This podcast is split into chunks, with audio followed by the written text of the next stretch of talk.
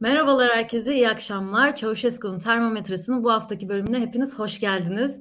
Seyircilerimiz size de hoş geldiniz diyoruz. Bugün aramızda çok uzun zamandır özlediğimiz, yüzünü görmeyi, sesini duyma, duymaya hasret kaldığımız Burak Bilgen Özbek hocamız var. Öncelikle ona özel olarak hoş geldiniz tekrar aramıza diyerek başlamak isterim bu yayına. Hoş bulduk. Hoş geldiniz. Yani bu haftada çıkmamazlık edemedim. Çünkü dün, dünya İsrail'i konuşuyor. Ben de İsrail'deyim. E, protestolara da katıldım bugün. Hani biraz ayıp olurdu çıkmasaydım. Yani gerçekten evet bugün İlkan, Nezih ve Burak Hoca'yla Türkiye dışında da yayında konuştuğumuz konular olacak. Bunlardan biri de İsrail. Çok güzel bir denk gelme sonucunda Burak Hoca bize gerçekten İsrail'den katılıyor bugün ve izlenimlerini aktaracak.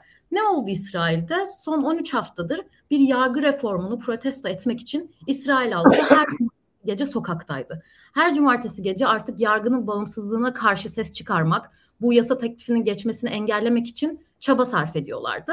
Tabii ki yasa birazcık şey aşama aşama geçiyordu ama geçen hafta yasanın geçmesine karşı çıkan savunma bakanını da görevden almasıyla geçtiğimiz hafta sonu Netanyahu'nun İsrail halkı buna çok daha fazla ses çıkarmaya başladı ve cumartesinin dışında pazar gecesi de sokaklardaydı. Ve bugün yaklaşık 3-4 saat önce de aslında halkın isteği oldu. Halk istediğini aldı ve Netanyahu yasayı durdurdu. Yasa teklifinin geçme sürecini durdurdu ve muhalefette anlaşacağını, anlaşmaya çalışacağını bir noktada açıkladı. Yanlış aktarmadıysam. Ama tabii ki bunları yerinden gözlemleyen, halkın duruşunu gözlemleyen bir insan olarak Burak Hoca'nın anlatmasını çok da tercih ederiz. Hocam söz sizde bu konuyla alakalı. Evet, teşekkürler Pırıl. Ben Jerusalem Center for Public Affairs isimli kuruluşun davetlisi olarak buraya geldim. Dün gece Kudüs'e, önce Tel Aviv'e geldim. Tel Aviv'den karayoluyla Kudüs'e geldim ve dün tabii olaylar çok şiddetlendi. Ee, işte şu anda duyuyorsunuz belki dışarıdan ambulans sesleri geliyor. Dün Netanyahu'nun konutuna gitti göstericiler. Bugün öğleden sonra Knesset'in önünde yani İsrail parlamentosunun önünde büyük bir kalabalık vardı. Bir de şehir merkezinde protestolar vardı. Ben şehir merkezindeki protestolara katıldım. 6 kilometre yol yürüdüm. Yani insan böyle kalabalıkla yürüyünce pek hissetmiyor. Aslında keşke yürümeseymişim çünkü bizim otelin önüne geleceklermiş. Bir de gittik bir daha otelin önüne kadar geldik böyle. Epey yoruldum açıkçası. Ee, yani bugün bir sunuşum vardı. Normalde bu sunuşu da işte İsrail Devlet Başkanı Herzog gelecekti. O yüzden ben biraz hani daha kıyafetime dikkat ederek indim aşağıya buradaki konferans salonuna ama Herzog gelemedi tabii müzakereleri yönettiği için. E ben de Herzog gelemiyorsa deyip işte tişört falan çekip çantayı çekip protestocuların yanına gittim. Çok enteresan yani hakikaten çok eğleniyorlar. Çok genç bir protestocu profili var onu söylemek lazım. Ve tabii ki çok renkli bir toplum. Yani Kudüs zaten başlı başına çok karışık bir şehir. Yani yüzde kırkı Arap, yüzde beşi Hristiyan, yine muhafazakar Yahudilerin de yaşadığı bir yer. Yani daha ağırlıklı yaşadığı bir yer daha doğrusu öyle söylemek lazım. Ve tabii aslında İrgun'un, birazdan onlardan bahsedeceğim. Yani bir anlamda sağ politikanın doğuş yeri, neşet ettiği yer. Jabotinski'nin e, misyonu Kudüs'ü korumakta aslında. Ta 1930'larda falan. Dolayısıyla Kudüs'te bu protestolara tanık olmak çok enteresan. Çünkü Tel Aviv daha kozmopolit bir şehir. Daha orta üst gelir grubuna sahip, daha dünyayla bağlantıları olan ve daha e, bu küresel vatandaş tanımına uyan insanların yaşadığı bir şehir. Yani Tel Aviv'de gittiğiniz zaman sahilde koşan insanlara rastlarsınız. Hani Kaliforniya gibi bir yerdir aslında. Ama Kudüs öyle değil. Bir de tabii Harem-ül Şerif burada. Dolayısıyla çok büyük bir dini anlam atfediyorlar. Yani Tel Aviv kadar canlı gece hayatı olan, sosyal hayatı Tel Aviv kadar renkli olan bir yer değil. Fakat buna rağmen çok büyük bir genç nüfusun toplandığını gördüm. E, o da beni mutlu etti açıkçası. 6 kilometre yol yürüdüm. Biraz yoruldum. Biraz da güneşte kaldım. Burası biraz sıcak Türkiye'ye göre. E, ondan dolayı biraz yo- yoruldum. Öyle söyleyeyim. Şimdi mesele tabii aslında e, yargı reformu meselesi. Ama e, sadece siyasi bir bölünmüşlüğü değil aynı zamanda sosyolojik bir bölünmüşlüğü de işaret ediyor. Yani bugünkü gözlemlerimden de onu teyit ettim. Zaten uzun zamandır İsrail toplumunda böyle bir bölünmüşlük vardı. Ama hem sosyolojik hem siyasi bir bölünmüşlüğü işaret ediyor. Yargı konusu hakikaten ilginç. Yargı reformuna İsrail'de ihtiyaç olduğu çok tartışılan konulardan bir tanesi. Ama bu yargı reformunu açıkçası büyük bir krize dönüştüren şey Netanyahu'nun bu reformu istemesi. Şimdi İsrail'de bildiğiniz üzere bir anayasa yok. Anayasa olmadığı için de güçlerin birbirini dengelemesi ya kurumların birbirlerini dengeleyerek ilerlemesi çok önemli bir husus. Dolayısıyla Anayasa Mahkemesi'nin bir anlamda yapısının değişmesi veyahut yargıç atamalarında hükümetin müdahalesinin artması gibi konular açıkçası çok tartışılıyor. Anayasa Mahkemesi niçin böyle bir sorun oldu? Çünkü Anayasa Mahkemesi geride bıraktığımız 5 sene içerisinde 22 tane önemli yasayı aslında veto etti ve birçok Netanyahu destekçisine göre hatta daha merkezde konumlanan, daha bağımsız, daha objektif diyebileceğimiz e, yorumcuya göre aslında Anayasa Mahkemesi politik bir aktivizm içerisinde hareket ediyor. E, dolayısıyla bir anlamda Anayasa Mahkemesi hükümetin eyleme kapasitesinde gölgeleyen bir kurum olduğu düşünülüyor Netanyahu taraftarları tarafından. Netanyahu tarafından. Tabii orada başka bir problem daha var. Bir de yargıçların atama süreci var. Yargıçların atama süreci üçlü bir komisyon üzerinden ilerliyor. Yani Anayasa Mahkemesi üyeleri, Legal Association dediğimiz aslında bizim barolara benzeyen bir sistem ve e, parlamento. E, şimdi baktığınız zaman Anayasa Mahkemesi ve işte bu Legal Association işbirliği yaptığı zaman hükümetin herhangi bir yetkisi kalmıyor. Dolayısıyla hükümetin aslında yargının üzerinde herhangi bir etkisi olmadığı gibi işte iki tane kurum aslında bir araya geldiği zaman yani barolar ve Anayasa Mahkemesi bir araya geldiği zaman hükümetin her kararını engelleyebilecek bir kapasiteye erişiyorlar. Dolayısıyla yürütüm erki bundan son derece rahatsız. Aslında İsrail'de bu çok teknik düzlemde tartışılabilecek bir konuydu ama mesele Netanyahu olunca tabii bambaşka bir hal alıyor. Bunun sebebi de Netanyahu'nun yolsuzluk meseleleri. Yani bugün İsrail'de en çok konuşulan cümle herhalde Netanyahu ailesiyle ülkesi arasında kaldı gibi bir cümleydi. E, çünkü ailesinin, eşinin ve oğlunun yolsuzluk dosyaları var. Bunlar için tabii bağımsız yargı çok büyük bir kabus. E, daha bağımlı bir yargı ortaya çıkması gerekiyor. Netanyahu ailesini seçtiği zaman bu yargı reformunu kendi hükümetinin kontrolünde bir yargı yaratmak için kullanacak. Asıl endişe bu. Ama ülkesini seçtiği zaman da işte bu sokaklardaki hareketliliği, ülkedeki bölünmüşlüğü engellemiş olacak. Yani şu an itibariyle işte saat 8'de açıklama yaptı. Şunu görüyoruz ki aslında ülkesini seçmiş oluyor. E, bu tabii yani toplumun bir anlamda buna reaksiyon vermesiyle, kurumların, e, sivil toplum örgütlerinin reaksiyon vermesiyle mümkün oldu ve gerçek anlamda bir kriz ortaya çıktı. Bunu söylemek lazım. Yargı reformu belki başka bir hükümet tarafından tartışılsaydı daha anlamlı sonuçlar üretebilirdi. Fakat meselenin içerisinde Netanyahu olunca e, çok büyük bir reaksiyonla karşılanıyor. Onu söylemek lazım. Bu konu üzerinde herhalde herkes hem fikir. Siyasi olarak böyle bir noktadayız. Yani yargı reformunun amacı ve sonuçları bizzat işte geçtiğimiz iki ay boyunca yaşandı. Zaten Netanyahu'nun tekrar hükümeti geri almasıyla birlikte e, bir hoşnutsuzluk vardı. Bu da toplumdaki sosyolojik bölünmüşlüğe işaret ediyor. Yani bugün İsrail toplumu hakikaten bütün popülist rejimlerde gördüğümüz bölünmüşlük durumuyla ve kutuplaşma durumuyla karşı karşıya. Bu aslında Netanyahu'nun kendisine aslında halkın gerçek te- temsilcisi ve gerçek halkın temsilcisi olarak sunmasından kaynaklanıyor. Yani Netanyahu'nun zihninde İsrail halkını temsil eden bir prototip var ve o prototipin kendisini seçtiğini düşünüyor. Bunun hilafına hareket edenler ki kendisinin muhalifleri oluyor, halk düşmanı olarak kolaylıkla yaftalanabiliyorlar. Bu formülasyona biz birçok popülist otokrasiden zaten aşinayız. Burada da çok farklı bir şey olmuyor. Fakat bunun tabii başka açıklaması da var. Yani kökleri tarihe giden bir açıklaması da var. Bunları da isterseniz konuşuruz. Fakat günün sonunda işte siyasi olarak bir anlamda bölünmüş, sosyolojik olarak da bölünmüş bir e, bir toplumdan bahsediyoruz. 2018'de benzer bir durumla karşı karşıya kalmıştık. Bu ulus devlet yasası tartışılırken. Yani bakıldığı zaman İsrail'in modern ve evrensel ilkelere göre hareket eden bir devlet olmasıyla İsrail'i daha etnik ve kimlik temelli tanımlayan böyle bir devlet olmasını savunanlar arasında bir ikilem var. Yani İsrail modern batılı demokrasilere benzeyen bir devlettir. Dolayısıyla bu ülkede yaşayan herkes ortak vatandaşlık haklarına sahiptir yaklaşımı ile İsrail'i tamamıyla bir Yahudi kimliğine hapsetme ve Yahudi kimliği üzerinden tanımlama yaklaşımı açıkçası bir rekabet içerisindeydi. O zaman da bu durum söz konusuydu. Dolayısıyla hani o bölünmüşlük şimdi kendisini hayatın farklı alanlarında ortaya koyuyor. Ee, bunların tabii dediğim gibi tarihsel kökleri var. Birçok isterseniz bunları da tartışabiliriz. Yani 1870'lerden itibaren İsrail'in oluşumu ve İsrail toplumsal kesimlerinin nasıl meydana geldiğini de anlatabilirim. Ve İsrail politik yapısının hangi liderler tarafından şekillendirildiğini de söyleyebiliriz, konuşabiliriz. Ama şimdilik mevcut durum bu kadar. Yani ağzınıza sağlık. Ağzınıza sağlık. Şu an şöyle de bir şey görüyoruz. Yani İsrail'deki protestolar var. Kesinlikle yargının bağımsızlığına bir müdahale olduğunu düşünüyorlar ve dediğiniz gibi bunu yapan Netanyahu olmasında çok büyük önemi var. Bir şekilde de Nezih bu olayların bir benzerini de Fransa'da görüyoruz aslında. Fransa'da da şu an halk bir kesim halk emeklilik yaşının artmasına karşı sokaktalar ve bunu protesto ediyorlar ama bu protestonun altında da aslında başkanlık sistemine gelen bir eleştiri var. Bu yasaların bu kadar kolay geçmesine karşı yapılan bir eleştirinin olduğunu söyleyebiliriz. Birazcık Fransız halkı bundan rahatsız. Sadece emeklilik yaşından ziyade. Dünyadaki bu tür hak arayışları hakkında ve yine İsrail hakkında sen ne düşünüyorsun? Yani senin de ifade ettiğin gibi Fransa'da aslında Macron'la birlikte Macron'un e, istihdam odaklı e, politikaları e, bir yandan çalışanların yani emek koşullarını zorluyor. Hani burada bir çatışma yaşanıyor. Macron seçim kazanmanın aslında formülü bulmuş. Yani istihdamı artırmak birçok yerde seçimleri kazandırıyor. E tabi bu da çalışanların e, ortalama çalışma süresini uzatıyor. Aslında Fransa'da bildiğimiz hep bildik protestolar.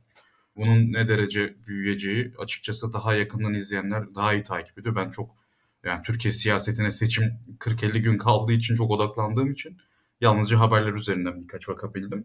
İsrail'de de aslında yani son yıllarda sürekli seçim üst üste oluyor. Ve İsrail seçim sistemi de aslında kurumsal açıdan parlamenter sistemin uç noktasına varmış durumda. Yani mecliste baraj yok benim bildiğim kadarıyla. Baraj uygulaması yok. Burak Hoca daha iyi bilir. Ama bu da şuna yol açıyor. Yani hükümet kurulması için işte tek san ülke zaten tek bir seçim bölgesi. Ee, o yüzden fazla adil bir sistem var ve çok küçük aktörler, çok küçük partiler söz sahibi. İsrail'de, İsrail'de mi? Evet evet. 3 3.25 ya. Aslında 1.5'da hiç yok gibiydi. İşte evet. son 10 senede Hı. yükselttiler. 3'e 3.25'e 25'e yükselttiler. Hı hı. Yani o yüzden e, çok aşırı sağ işte Ortodoks e, Yahudi aktörler de işte diğer tarafta Arap e, siyasiler de farklı taleplerle masaya gelip kendi siyasi pozisyonlarını o daha merkezde konulanabilecek siyasetçilere dayatıyorlar ve oyunu daha çatışmacı hale getiriyorlar. E, Fransa'da e, başkanlık sisteminin yarattığı çok hızlı karar alma mekanizmasından kaynaklı bir halk tepkisi varken İsrail'de de fazla temsilin yol açtığı bir aslında şey hükümet krizi var aslında genel olarak yani. Ve burada dördüncü e, kabine 5 senede dört tane kabine değişti. Tabii.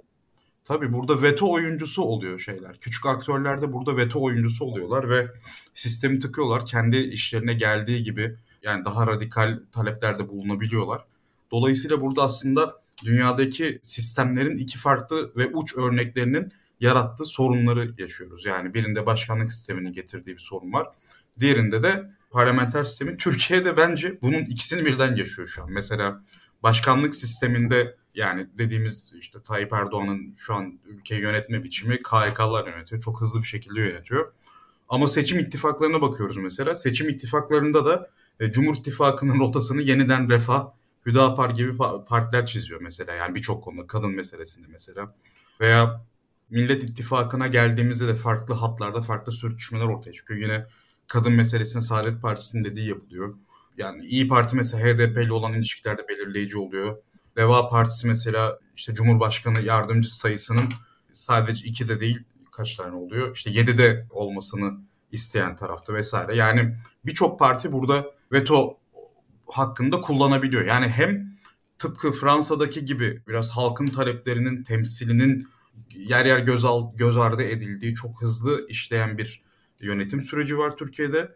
Diğer yandan da İsrail'de olduğu gibi ittifaklar arasında ittifaklar içinde radikal ya da işte oyu daha küçük olan partilerin veto oyunu kullanarak kendi isteklerinin merkez ve büyük merkez demeyelim yani büyük çünkü AK Parti artık merkez parti falan değil. AK Parti gibi büyük partilere dayatması sonucuyla karşı karşıya kalıyoruz.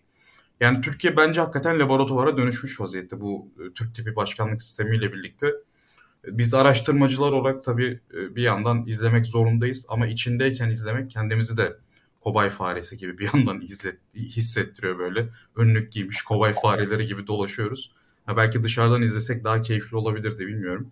Dışarıdan izlesek de bu kadar. Yani 85 milyonluk ülkenin bir avuç siyasi elitin elinde oyuncak olması da tabii çok keyifli bir görüntü olmazdı ama en azından tıpkı İsta yenilenen İstanbul seçimleri gibi Türkiye yine laboratuvar olma hükmünü sürdürüyor. Mesela yenilenen İstanbul seçimleri sayesinde biz sandık bazlı oy geçişlerini rahat rahat analizlerini yapabildik. Çünkü zaten aynı seçmen, aynı sandık.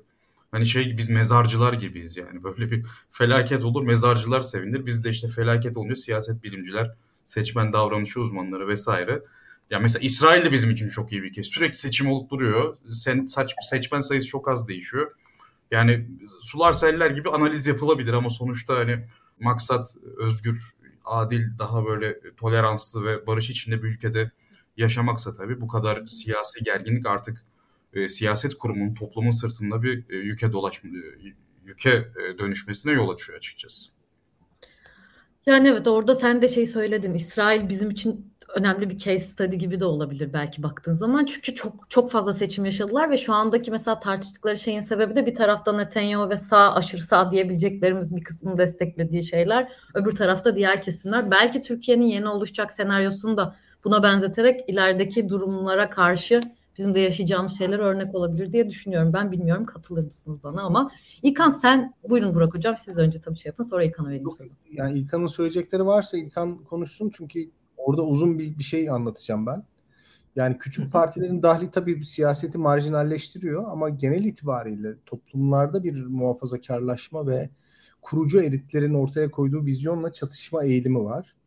E, bu Michael Walzer'ın Kurtuluş Paradoksu kitabını çok tavsiye ederim. Orada üç tane vaka ele alınıyor. Birisi Cezayir, bir tanesi İsrail, diğeri de Hindistan. Şimdi orada Michael Walzer tek bir soruyu soruyor.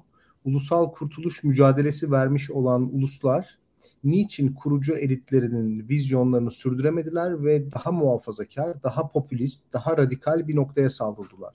Çünkü ulusal kurtuluş mücadelesini veren elitler aslında evet anti-emperyalistlerdi fakat bu onları batıya karşı bir aşağılık kompleksi içerisinde ve sürekli hesaplaşmaya iten bir noktaya sürüklemedi. Tam tersine bu elitler aslında dünya toplumunun, uluslararası toplumun onurlu bir parçası yapmayı amaçlıyorlardı uluslarını. Daha sonraki kuşaklar ilginç bir şekilde halkın politikaya girmesiyle birlikte yani halkın bir şekilde e, politik görünümde aktör olmasıyla birlikte çok daha radikal bir noktaya savruldular. Yani bu soruyu soruyor ve İsrail ile alakalı da aslında çok net bir cevabı var. Çünkü mesela İsrail'in kurucu elitinin vizyonu aslında şu anda İsrail'in o elitin vizyonuna karşı çıkan insanlar tarafından ilk başlarda çok eleştirildi.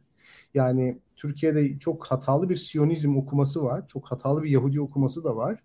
Bu insanların çok ciddi anlamda yüksek bir siyasi bilinçle asırlardır hareket ettiğini düşünüyor Türkiye'dekiler. Böyle bir şey yok.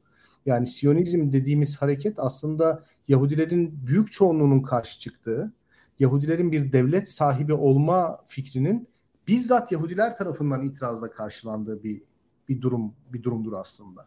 Yani Siyonizm aynen bizim Kurtuluş Savaşı'nda Ankara'da işte Kurtuluş Savaşı örgütlenirken halkın bir kayıtsızlığı vardır. Anadolu halkının bu savaşa karşı bir kayıtsızlığı vardır bilirsiniz. Bunu Yakup Kadri anlatır romanlarında. Kemal Tahir de anlatır. E, aynı benzer hikaye aslında Yahudilerde de söz konusuydu. Yani e, Leo Pinsker e, Auto Emancipation kitabını yazdığı zaman bir Yahudinin özgür olması için bir devlete sahip olması gerektiğinden bahsediyordu. Ya da Theodor Herz Yahudi Siyonist Kongreyi topladığı zaman bir devlet sahibi olmadan Yahudilerin asla özgürleşemeyeceğini iddia ediyordu. Fakat devlet sahibi olma fikrine bizzat Yahudiler karşı çıkıyordu. Çünkü devlet sahibi olma fikri yerdeşik çıkarları olan, düzeni olan, içinde yaşadığı toplumla entegre olmuş Yahudiler için çok büyük bir idealdi. Yani hadi bütün Yahudiler bir devlet kuruyoruz dediğiniz zaman Amerika'da, Fransa'da, Almanya'da, İngiltere'de yaşayan bir Yahudi büyük bir sevinçle ne güzel devlet kuralım ve bunun için canımızı feda edelim falan demiyor. Tam tersine ilk sordukları soru şu. Devlet kurduğumuz zaman sınıra nöbetçi dikeceğiz. E bu nöbetçiler şabat günü çalışacak mı? Ya böyle bir soruyla karşı karşıya kalıyorsunuz başka bir devletin idaresinde yaşadığınız zaman o devletin nasıl idare edileceği, şabat günü kimlerin çalışacağı sizin probleminiz olmaktan çıkıyor. Bu Gelner'in söylediği gibi hani diyor ya Sırp milliyetçiliğini anlatmak için bu adamlar Sırp olabilmek için Sırplardan nefret ettiler. Aynı şekilde Yahudi olabilmek için de Yahudilerden tiksinmeyi gerektirdi beraberinde. Çünkü Yahudileri çok uyuşuk, hiçbir şekilde harekete geçemeyecek, bir aksiyon olamayacak, Siyonizmin ideallerini gerçekleştiremeyecek bir topluluk olarak tanımlıyorlardı. O yüzden Yahudilerin o kurucu eliti yani İsrail'in kurucu eliti aslında Yahudilerle çatışarak bir bir şey yapmaya çalıştı. Bunu söylemek lazım. Ve aslında o çatışma meselesi de şöyle anlatmak gerekiyor. Şu andaki İsrail toplumunun e, hatlarını anlamamız için çok önemli. Yani oradaki gelişimi de biraz e, anlamak lazım. 1870'lerde mesela Rusya'dan gelen işte Rus üniversitelerindeki edebiyat kulüplerinde falan örgütlenmiş Yahudiler var. Onlar ilk yerleşimleri kuruyorlar. Ziyon Aşıkları diye bir kulüp var mesela. Yani Rusya'dan Filistin'e gelip orada hayat kurmanın ne kadar zor olduğunu takdir edersiniz. Ve iki tane farklı Yahudi komünitesi var biliyorsunuz. Bir batıda yaşayan Yahudiler.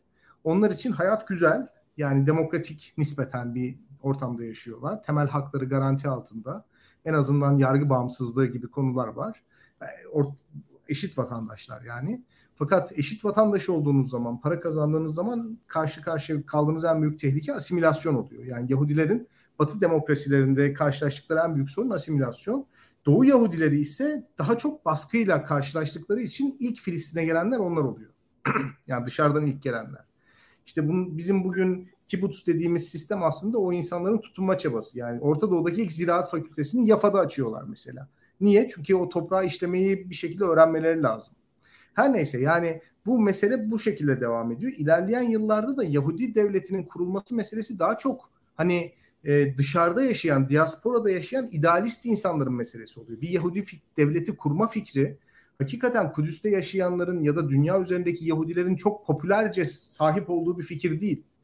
Rusya'dan gelenler de perişan oluyor. Yani niçin geldik buna değer miydi falan diyorlar aslında. Ve çok büyük baskı altında olmasalardı gelmeyeceklerini kendileri de biliyorlardı. Bugün Balfour Deklarasyonu aslında Yahudilerin dünya çapında bir komünite olarak bastırıp elde ettiği bir zaferden ziyade işte Weizmann mesela çok önemli bir kimyager. İngiltere'de Yahudi lobisinin en önemli isimlerinden bir tanesi. Onun kişisel gayretlerine ve İngiltere'nin Orta Doğu politikasına bağlı biraz da. Ya bunu söylemek lazım. Ya 1933'e kadar Hitler'in iktidara gelişine kadar Yahudilerin kendi yurdunun olması fikri dünyada çok popüler bir fikir olarak kabul edilmiyor. Ya bunu bunu bunu izleyicilerin bilmesi gerekiyor. E, Balfour Deklarasyonu işte bu Weizmann o adamın da önemi şuradan kaynaklanıyor. Onu da söyleyeyim. Asetonun mucidi aslında.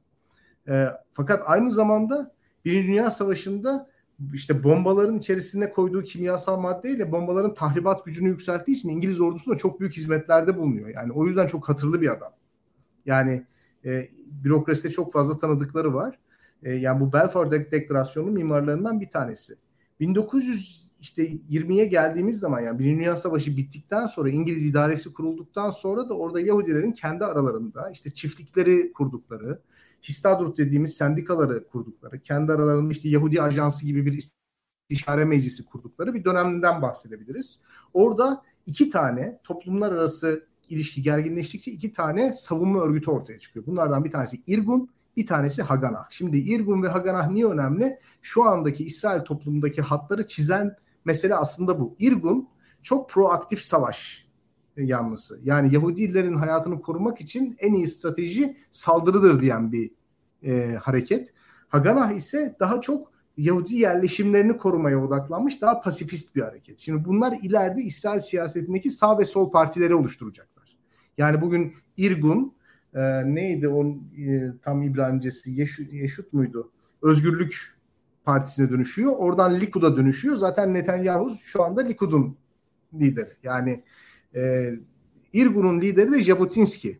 Yani bu o kadar e, adanmış bir adam ki 1948'de gerekirse İngilizlerle de savaşırız diyen adam bu işte. 1945'ten sonra hani İkinci Dünya Savaşı bittikten sonra.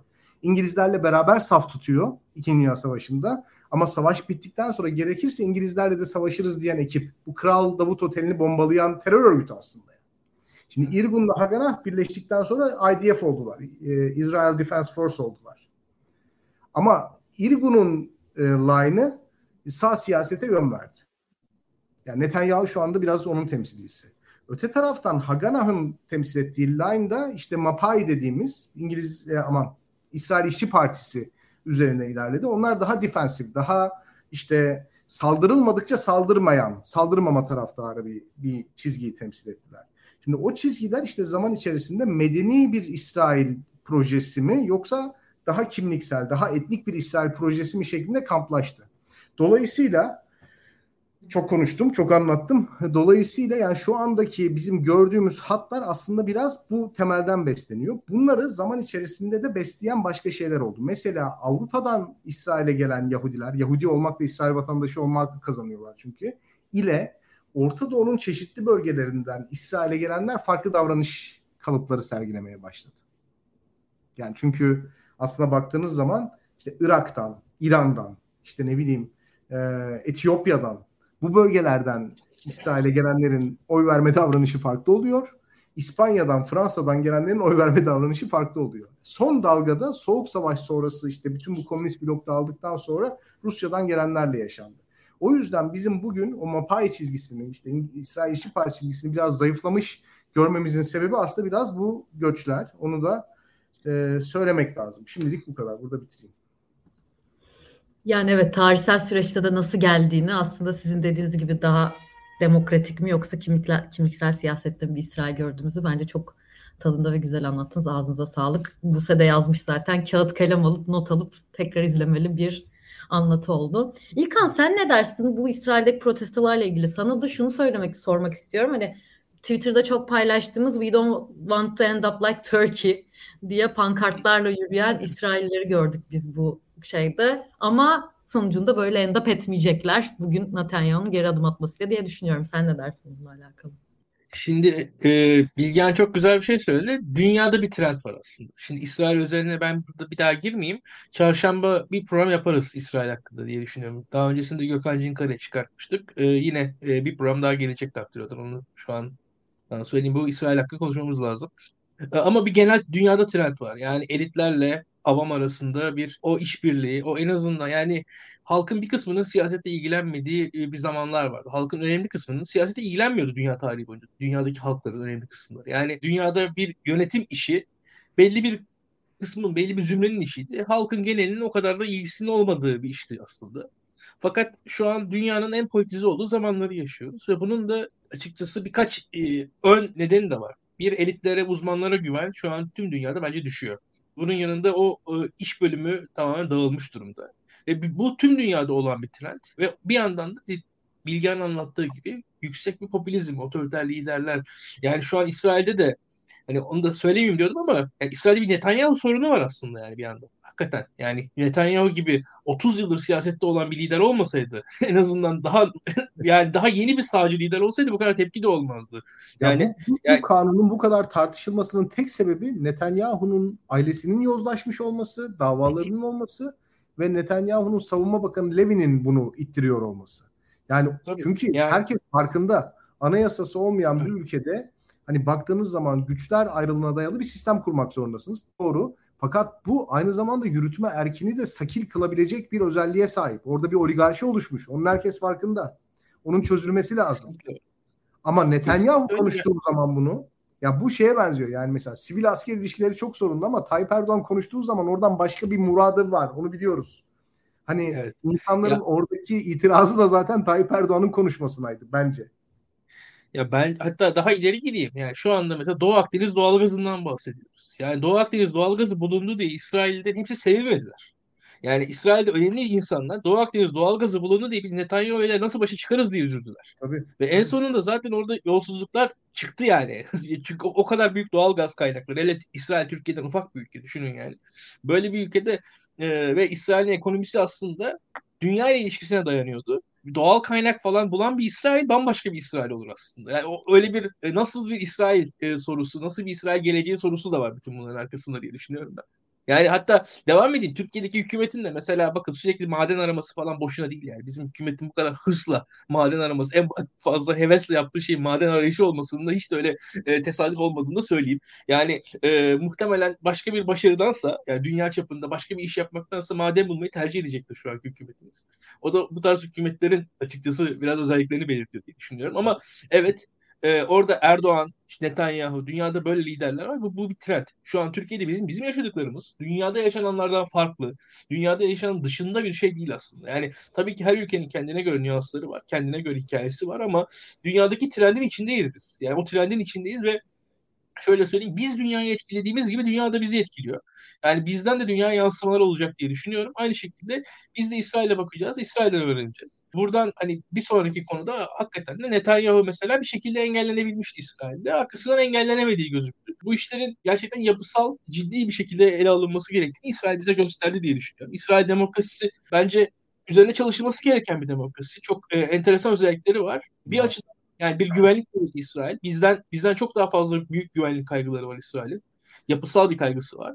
Ama bir yandan da şöyle İsrail ekonomisi dünyaya çok daha entegre. Yani bizden farklı olarak açıkçası. O da İsrail bambaşka bir yere katıyor ve İsrail entegre olmak zorunda. Çünkü sıradan bir Orta Doğu ülkesi olmak da İsrail açısından bir güvenlik sorunu. Yani İsrail o e, dünya ile entegre ülke olmak zorunda çünkü sıradan bir, bir ekonomiye sahip İsrail e, Orta Doğu'daki açıkçası yüz milyonlarca Arap'ın arasında kaybolur gider. E, onun bir şekilde o yüksek katma değerli o üretim yapan ülke halinde kalması da gerekiyor İsrail'in varlığı açısından. O da bir güvenlik meselesi. Yani İsrail'in ekonomik olarak güçlü olması bir güvenlik. Startup Nation işte Evet. onun için. Yani o, o bir o bir tesadüf değil. İsrail Startup Nation olmak zorunda. Yani açıkçası İsrail e, Startup Nation olmayı tercih etmiş bir ülke de değil. İsrail Startup Nation olmak zorunda. Yoksa İsrail mesela e, işte atıyor tekstil üretimi yaparak Mısır'la rekabet ettiği zaman zaten bir yere kadar varabilir. Orada ne, yani 100, 120 milyon Mısırlı da veyahut da 15 milyon Ürdünlüyle İsrail'in rekabet etmesi imkanı yok yani. Orada ama ya, Akabe limanındaki tekstil atölyeleriyle İsrail başa çıkamaz yani.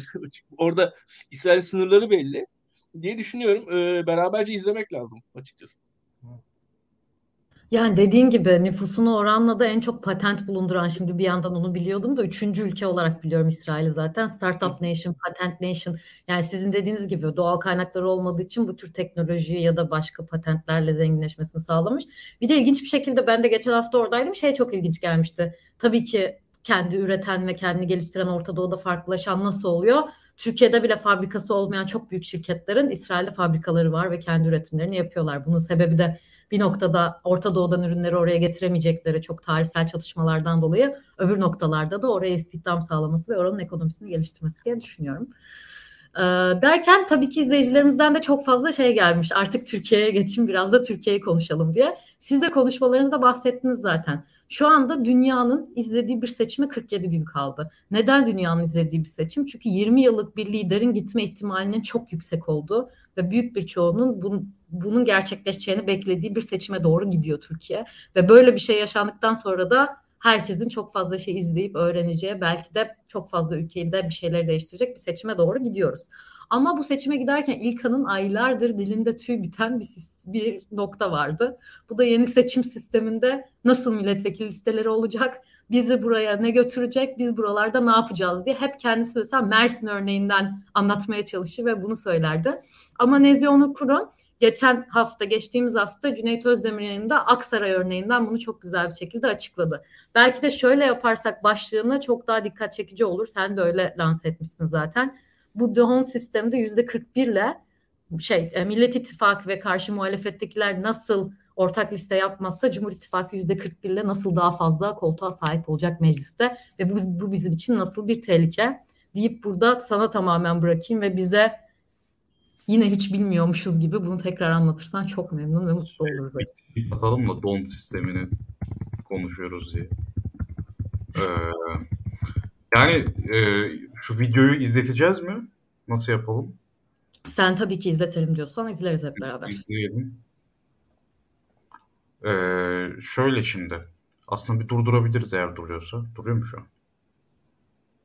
Ha okey. Ee, yani şimdi DON sisteminin mantığı şu. E, parti oyları aslında tek tek bölünüyor. Parti oranları değil, yüzdelikleri değil.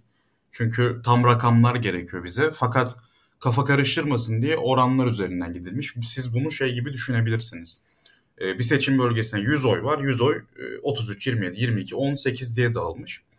5 e, milletvekili seçilen bir şehirde biz şimdi e, milletvekili sayısını hesaplayacağız. Don sistemindeki mantık şu. E, her bir partinin oyunu o seçim bölgesindeki milletvekili sayısına kadar tek tek burada 5 milletvekilimiz var. İlk önce hepsinin e, oy oranını, e, oy sayısını 1'e bölüyoruz. Birinci sütuna yazıyoruz. 33, 27, 22, 18 diye şimdi devam ettirebiliriz.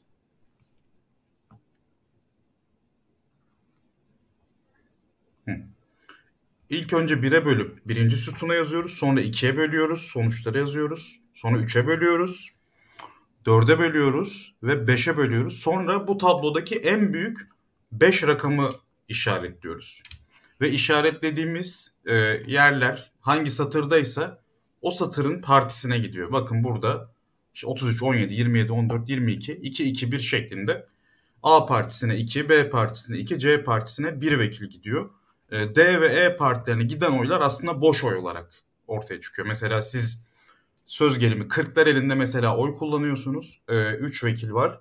Muhtemelen Kırklar elinde ya bir AK Parti çıkarır, 2 CHP çıkarır ya da 3 e, CHP çıkarır veya 2 CHP bir İyi Parti çıkarır. Siz Kırklar elinde HDP'ye, TİP'e, DEVA'ya vesaire yani böyle daha e, kul, oradaki milletvekili sayısını çıkarmaya oyu yetmeyecek partilere oy verirseniz bu partilerin sadece barajı geçmesini ülke genelinde sağlarsanız ki zaten bu partiler ya ittifakta ya da zaten barajı geçebiliyor şu an birçoğu.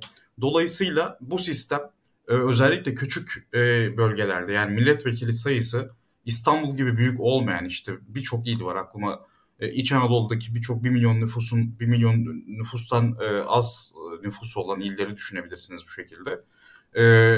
Ülkedeki iktidar iktidar partisi ve ana muhalefet partisine oy vermeye iten bir seçim sistemi don sistemi.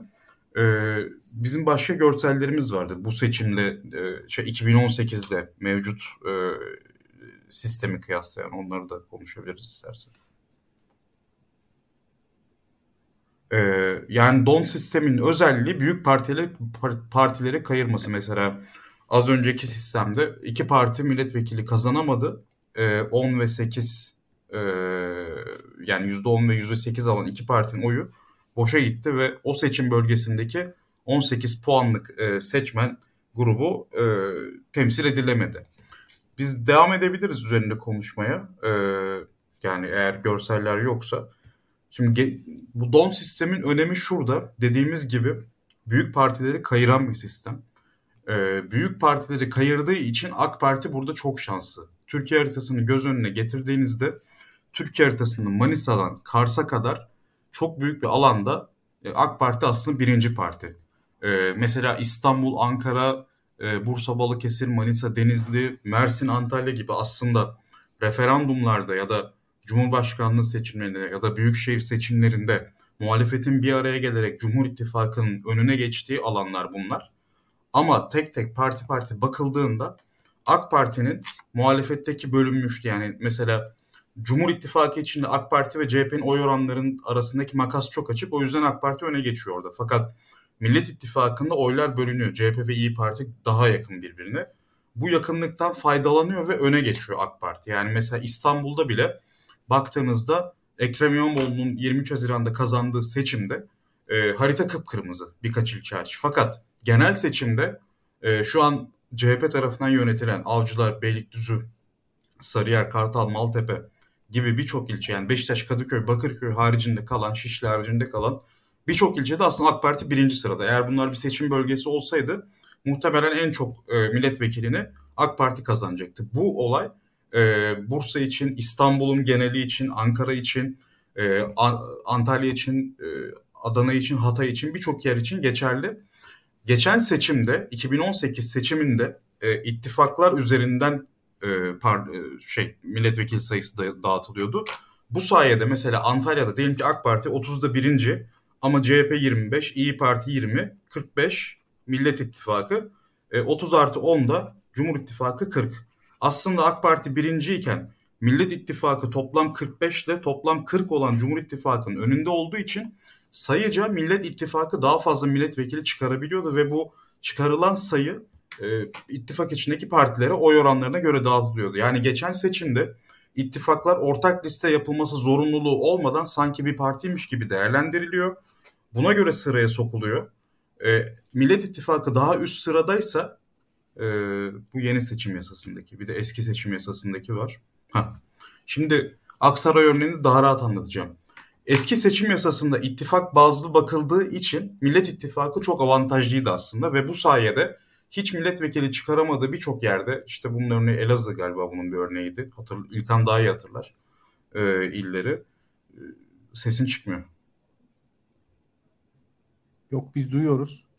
Yok. Ya Yozgat, Urfa gibi. Hı hı. Yozgat, Urfa gibi birçok yani Millet İttifakı bu sayede 19 vekil fazladan çıkardı. Ee, Cumhur İttifakı'nın da milletvekili sayısı ittifakların e, Millet İttifakı'na sağladığı avantaj nedeniyle Cumhur İttifakı da 15 vekil geriledi. Şimdi Aksaray örneği üzerinden gidelim. Aksaray'da toplam 4 milletvekili var. Ee, normalde AK Parti birinci, MHP ikinci, e, İyi Parti üçüncü ve CHP dördüncü sırada. Ee, ve burada baktığınızda aslında AK Parti ve MHP'nin çok büyük bir dominasyonu var. Fakat Millet İttifakı partileri bir araya gelerek %21.3'e erişiyor. Ee, bu sayede Millet İttifakı Aksaray'da bir milletvekili çıkarabiliyor. Çünkü 2018'de partiler üzerinden değil ittifaklar üzerinden don sistemi hesabı yapılıyordu. Mesela Cumhur İttifakı'nın oyu 178 bin önce 1'e bölüyoruz yine 178 bin oluyor. Millet İttifakı 49 bin 49 bin sonra 2'ye bölüyoruz bu rakamları e, DONT hesabına göre 89 bin diğeri 24 bin 3'e bölüyoruz 59 bin 16 bin tabloda e, ilerlediğimizde sütun sütun. Millet İttifakı'nın e, burada 4 tane milletvekili var. Çıkan sonuçlarda ilk 4 büyük sonucu kırmızılıyoruz. Ve görüyoruz ki Millet İttifakı bu sayede e, İyi Parti'nin hanesine e, bir milletvekili kazandırmış oluyor. Şimdi bir sonraki şeye geçelim, tabloya geçelim. Ee, şey bir önceki o zaman. Ha. Şimdi mevcut sistemde ise şu an 2018 oyları üzerinden gidiyoruz yine. Mevcut sistemde İyi Parti ile CHP Millet İttifakı'nda olsa da ittifak bazlı oy sayma sistemi kaldırıldı. Ee, ve bu nedenle partiler artık ittifaklar halinde bakılmıyor parti oyları, e, oylara. Doğrudan partiler sıralanıyor ve buna göre hesap ediyoruz. Burada MHP devreye giriyor. CHP İyi Parti ayrı ayrı devreye giriyor. Buna göre DONT hesabı yaptığımızda bu sefer İyi Parti'nin kazandığı bir vekil e, Cumhur İttifakı'na geçiyor. Az önce AK Parti 2, MHP 1, İyi Parti 1 çıkarabilirken şimdi AK Parti 3, MHP 1 çıkarabiliyor. Ve Millet İttifakı yeni seçim yasası yüzünden geçen seçim oylarıyla bakarsak hiçbir e, değişim olmadığını varsayarsak yaklaşık 20 vekil kaybediyor. E, bu da ne demek? Mesela e, zaten Cumhur İttifakı ve muhalefet arasındaki meclis çoğunluğu dengesi çok kritik bir eşikte şu an. 20 vekil kaybettiniz siz 310'dan 290'a gerileyebilirsiniz ve e, seçimde ikinci tura kalırsa eğer Cumhurbaşkanı seçimi, Cumhurbaşkanlığı seçimi siz meclisi kaybederek ikinci turda topal ördek durumuna e, düşmüş olursunuz eğer kazandığınız senaryoda ve Tayyip Erdoğan bu argümanla sizi e, sıkıştırabilir, kararsız seçmeni yanına çekebilir ve 2028'e kadar Türkiye'yi yeniden e, yönetme hakkına erişebilir. Yani senin de anlattığın gibi aslında hem seçimin sonrasında ikinci tura kadar giderkenki süreçte meclisteki çoğunluk ve meclisteki sandalye sayısı önemli. Hem de ikinci turdan sonraki herhangi bir senaryoda da parlamenter sisteme geçiş önerisi parlamenter sisteme geçiş yapılacak diyorlar. Bunun için meclis çoğunluğu geçilecek. Herhangi bir şey için Türkiye'de meclis çoğunluğu gerekecek bir şeylerin ilerlemesi için. O yüzden meclisteki çoğunluk her zaman çok önemli. Bu yayınlarda da genelde bahsetmeye çalışıyoruz. Ağzına sağlık. Hani Muharrem de Muharrem Bey ile Gürhan da yazmış. İlk defa Nezih böyle anlatınca çok iyi anladım bu sistemin ne olduğunu diye. Ben de aynı şekilde. O yüzden teşekkür ederiz hem tabloları hazırlayanlara hem sana. İlkan sen ne demek istersin? Senin dediğim gibi 2-3 ayda zaten yaran, hep bahsettiğin, evet. hep konuşmak istediğin, evet. hep bir konu bu. Şimdi e, Nezih daha teknik olarak anlattı. Ben daha şifai olarak da aynı şeyleri anlatayım izninizle. Bir defa basitçe söyleyeyim. DON sisteminde seçim çevresinde birinci olan parti avantajlı. Yani en basitinden. Seçim her seçim çevresinde birinci olan parti avantajlı. Peki Türkiye'de kaç seçim çevresi var? Türkiye'de 87 seçim çevresi var. 81 ilimiz var. İstanbul 3 seçim çevresi, Ankara 3 seçim çevresi, İzmir 2, Bursa 2 seçim çevresi olmak üzere. Şu an geçen seçim peki ne olmuş diye baktığımızda mesela Cumhuriyet Halk Partisi Türkiye'nin ikinci büyük partisi. Türkiye'de 8 seçim çevresinde birinci parti olabilmiş. Ancak 6 ilde falan birinci parti olmuş aslında. Baktığınız İzmir'de 2 seçim çevresi, Ankara'da bir seçim çevresi olmak üzere. Aslında 6 ilde Türkiye'de birinci parti olmuş Cumhuriyet Halk Partisi. Yani Muğla, Aydın, İzmir ve Trakya illeri. Şimdi baktığınız Türkiye'de peki kaç il var? Ee, onun dışında HDP 11 ilde birinci parti. Ee, HDP kaç ilde pardon. Onu da hata olmasın. Şu an not da almıştım. HDP'de galiba 11 ilde birinci parti olmuş galiba. Evet HDP'de 11 ilde birinci parti olmuş. Kalan tüm seçimciler yani 8 e, CHP, 11 HDP, 19. 87'den 19 çıkarttığınız zaman 58 seçim çevresinde Adalet ve Kalkınma Partisi Türkiye'de birinci parti olmuştur. Yani baktığınız zaman zaten 58 seçim. Şimdi Adalet ve Kalkınma Partisi, Cumhuriyet Halk Partisi'nin veya da herhangi başka partinin aynı oyu aldığı ortamda bile aslında Adalet ve Kalkınma Partisi daha fazla seçim çevresinde Türkiye'de birinci parti olmuş oluyor ve aynı oyu aldığı anda daha fazla vekil çıkartıyor. Çok basitçe söyleyeyim. Yani sizin seçim çevresi en çok seçim çevresini kazanan bu sistemde en fazla avantajlı halde oluyor. HDP oyları belli bölgelerde odaklandığı için aslında sistemin dezavantajlarından nispeten kurtulabilen bir parti.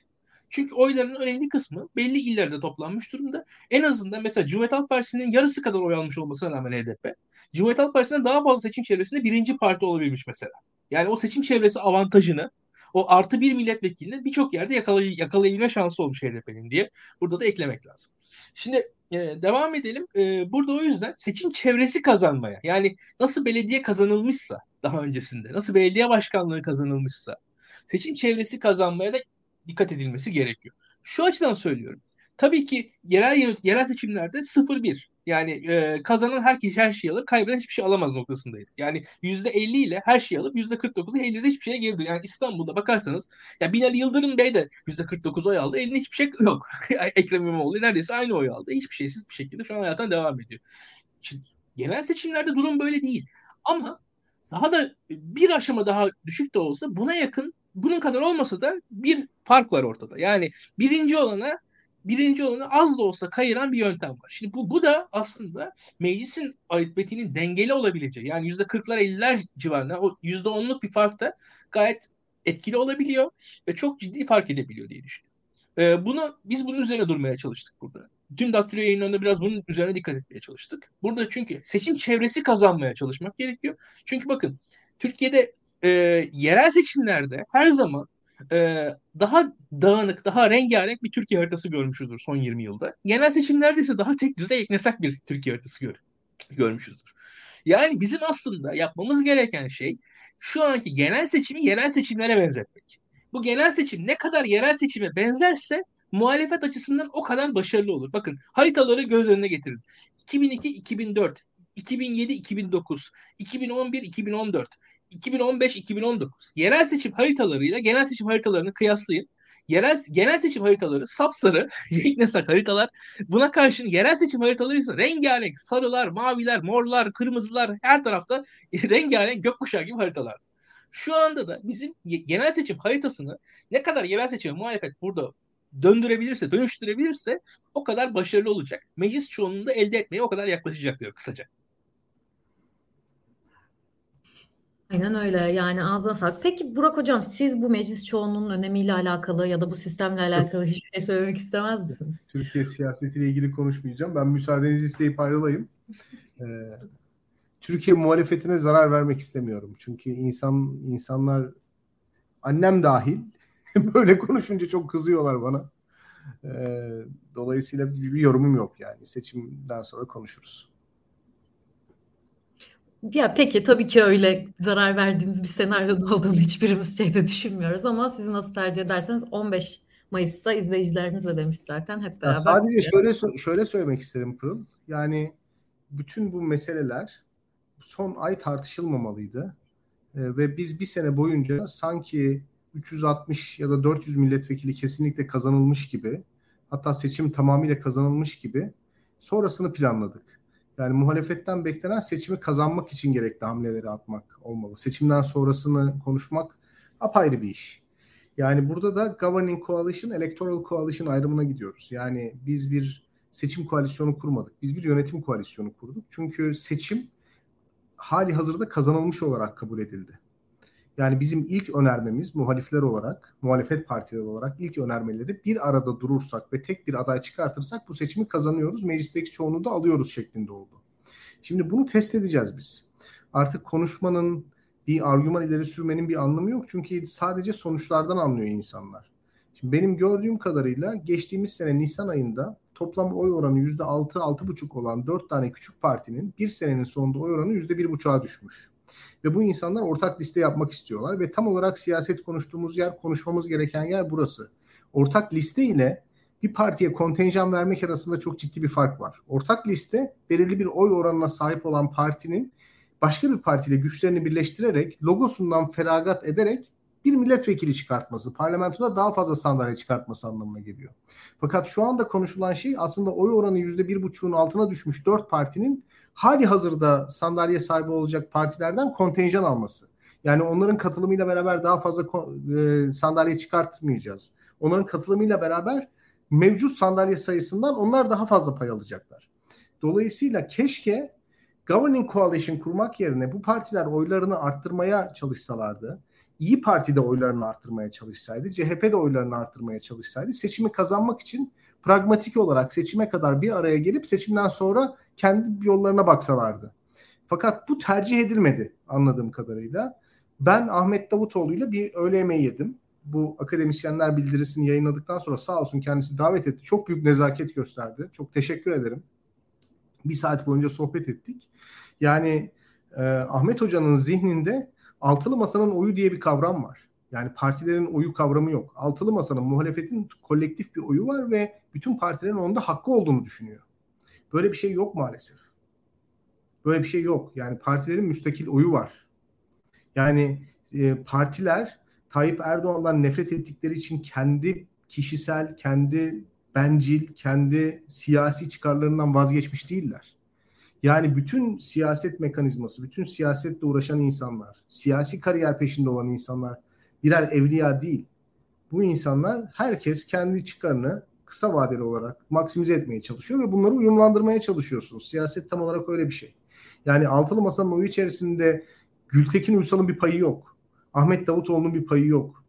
Eğer getirselerdi getirdikleri nispette bir payları olabilirdi. Ama bütün muhalefet biz bir aradayız. Altılı masa olarak biz işte aynı mekanizmayız. Dolayısıyla bütün bu listeleri de eşit olarak bölüşmeliyiz gibi bir yaklaşım ya da en azından hepimize grup kuracak kadar milletvekili vereceksiniz gibi bir yaklaşım bana çok mantıklı gelmiyor ve zannedersem Ankara'da da şu anda çok ciddi anlamda bu konuda bir tıkanma var. Çünkü İyi Parti zaten etine budu ne? Yani %10 oyla 40 milletvekili çıkarttı. Yine o civarda bir oy aldığı zaman yine 40 milletvekili çıkartacak. Başka bir partiye kontenjan vermek istemiyor. Cumhuriyet Halk Partisi de tabii bu partilere vaat ettiği bir kontenjan sayısı olduğunu biliyoruz. Onu verdiği zaman parti içerisinde büyük sıkıntılar yaşayacak. Onu yaşamak istemiyor. Ee, bu kontenjan sayısı çok önemli. Dediğim gibi biz siyaset bilimciler bildirgesinde bu kontenjan meselesinin başkan adayının kim olacağına etki eden bir e, mesele olduğunu söylemiştik. Yani bu partilere ne kadar milletvekilliği ver, verildiğini bilelim ki bu partilerin Kemal Kılıçdaroğlu'nu seçip seçmemelerindeki temel motivasyonu da anlayabilmiş olalım. Yani biz dikkat ederseniz Türkiye muhalefeti başkan adayına araştırmalara bakmadan, anketlere bakmadan, parti teşkilatlarının görüşleri alınmadan ve topluma bir izahat yapılmadan karar verildi. Yani nasıl karar verildiğini ben anlamadım mesela. Kimse anlamadı ama verildi. Yani Gökhan Özbek ve Kemal Özkiraz öyle düşün. Fazıl Say öyle dedi yani. İnsanlar alıştılar ve tatsızlık çıkmasın diye kimse bir şey söylemesin gibi bir şey var. Yani dolayısıyla hani bu meselede yani bunlar düşünülürken aslında bu milletvekili kontenjan meselesi çok önemliydi. Partilerin kimi başkan adayı olarak seçeceğini de gösteriyordu. Şimdi onlar başkan adayını seçtiler. Tamam burada bir sorun yok. Şimdi halledilmesi gereken başka bir mesele var. Kontenjanlar ve gördüğümüz kadarıyla orada bir tıkanma yaşanıyor. Cumhuriyet Halk Partisi İyi Parti'den fedakarlık istiyor. Onlar da tabii yaşanan hadiselerden sonra çok sıcak bakmıyor olsalar gerek. Ee, nasıl çözecekler bilmiyorum ama bütün meselemiz bizim bu küçük partilerin kaç kontenjan alacağı değil toplamda muhalefetin kaç sandalye sayısına sahip olacağı meselesi.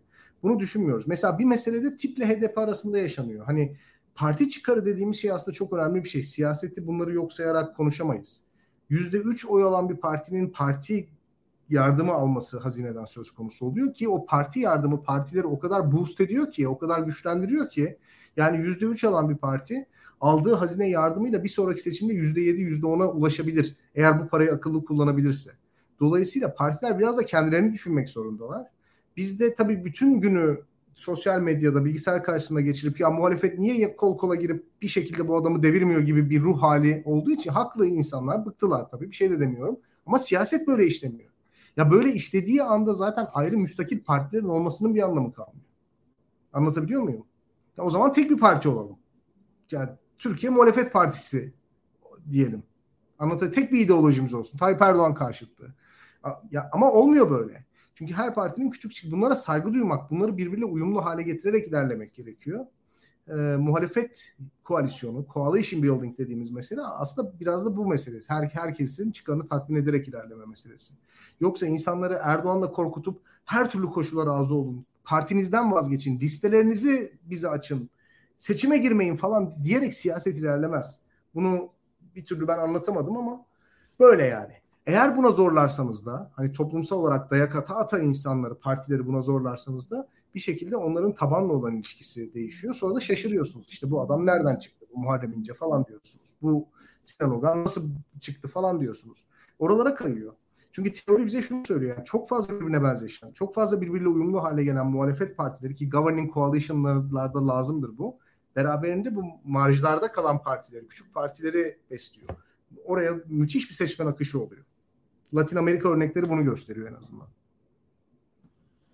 Yani dediğiniz gibi zaten ortak liste çıkarılması çok önemli ve çok kritik. Şurada tam olarak iki hafta kaldı seç şey e, milletvekili aday listelerinin açıklanmasına ve burada hala bilmediğimiz çok fazla şey var. Dediğiniz gibi küçük partilere verilen kontenjanlarda mı ki seçime gittiğimiz 47 gün kaldığı süreçte bu da çok önemli olacak seçmenin bakışında yani CHP seçmeni eğer 20 vekil verilirse küçük partilere nasıl bakacaklar kendi partilerine gibi. Ama bu tür şeyler de yapılacak mı yapılmayacak mı net değil. Başka şeyler de var siz de biliyorsunuzdur tabii ki. Üç parti bir ittifak içinde ittifak sağ parti Saadet'in logosuyla girecekler. Çünkü Saadet Partisi'nde öyle bir talebi var gibi. Ama iki hafta olmadan da bunların hiçbirini öğrenemeyecek gibi duruyoruz. Umarım herkes için hayırlı bir şekilde sonuçlanır ama Ez cümle dediğiniz gibi bunları konuşmak için çok geç kaldık. Siyaset yapmak için bunlara karar vermek için de çok geç kaldık diyebiliriz sanırım şey olarak. Son olarak bir de şey İlkan sana sorayım bunu. Bugün artık YSK 2 saat önce, 2,5 saat önce Cumhurbaşkanlığı seçiminde adayla hak kazanan isimleri açıkladı ve çok büyük ihtimalle çok büyük bir şey değişmezse ki değişebilir Türkiye'de bir buçuk saatte bile dört adaylı bir cumhurbaşkanı şeyiyle giriyoruz listesiyle gidiyoruz seçime. Bunun hakkında çok kısa ne demek istersin? Bir yorumun var mı? Yani e, Türkiye açıkçası özellikle muhalefet iki adayla seçimi denedi. E, ona ulaşamadı şu an gözüküyor. Bu konuda son e, dönüş anı nedir tam bilmiyorum. Bazıları bu ayın sonunu söylüyor. Nezih o konuyu benden daha iyi bildiğini tahmin ediyorum senin. E, tam bitme anı sanırım e, dönü, su anında yazacak galiba değil mi? Şey, 31 Mart. 30, 30 ya da 31 Mart. Aynen. Adaylar çekilebiliyor ama pusuladan adayların isimlerini 31 Mart'tan sonra silemiyorsunuz. Evet, evet. Ya o enteresan bir şey tabii yani bir yandan da fiziksel imkanların getirdiği bir durum.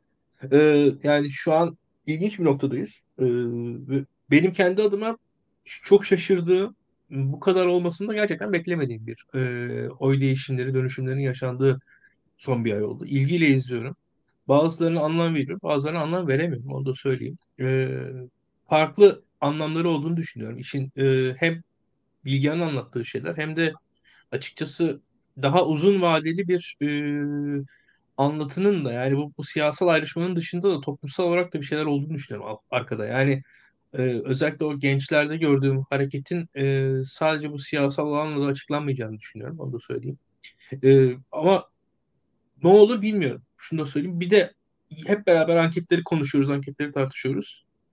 Ee, ikinci tura dair anketleri pek yani birinci tur anketlerine göre 2-3 tık daha az bilimsel bulduğumu söyleyeyim.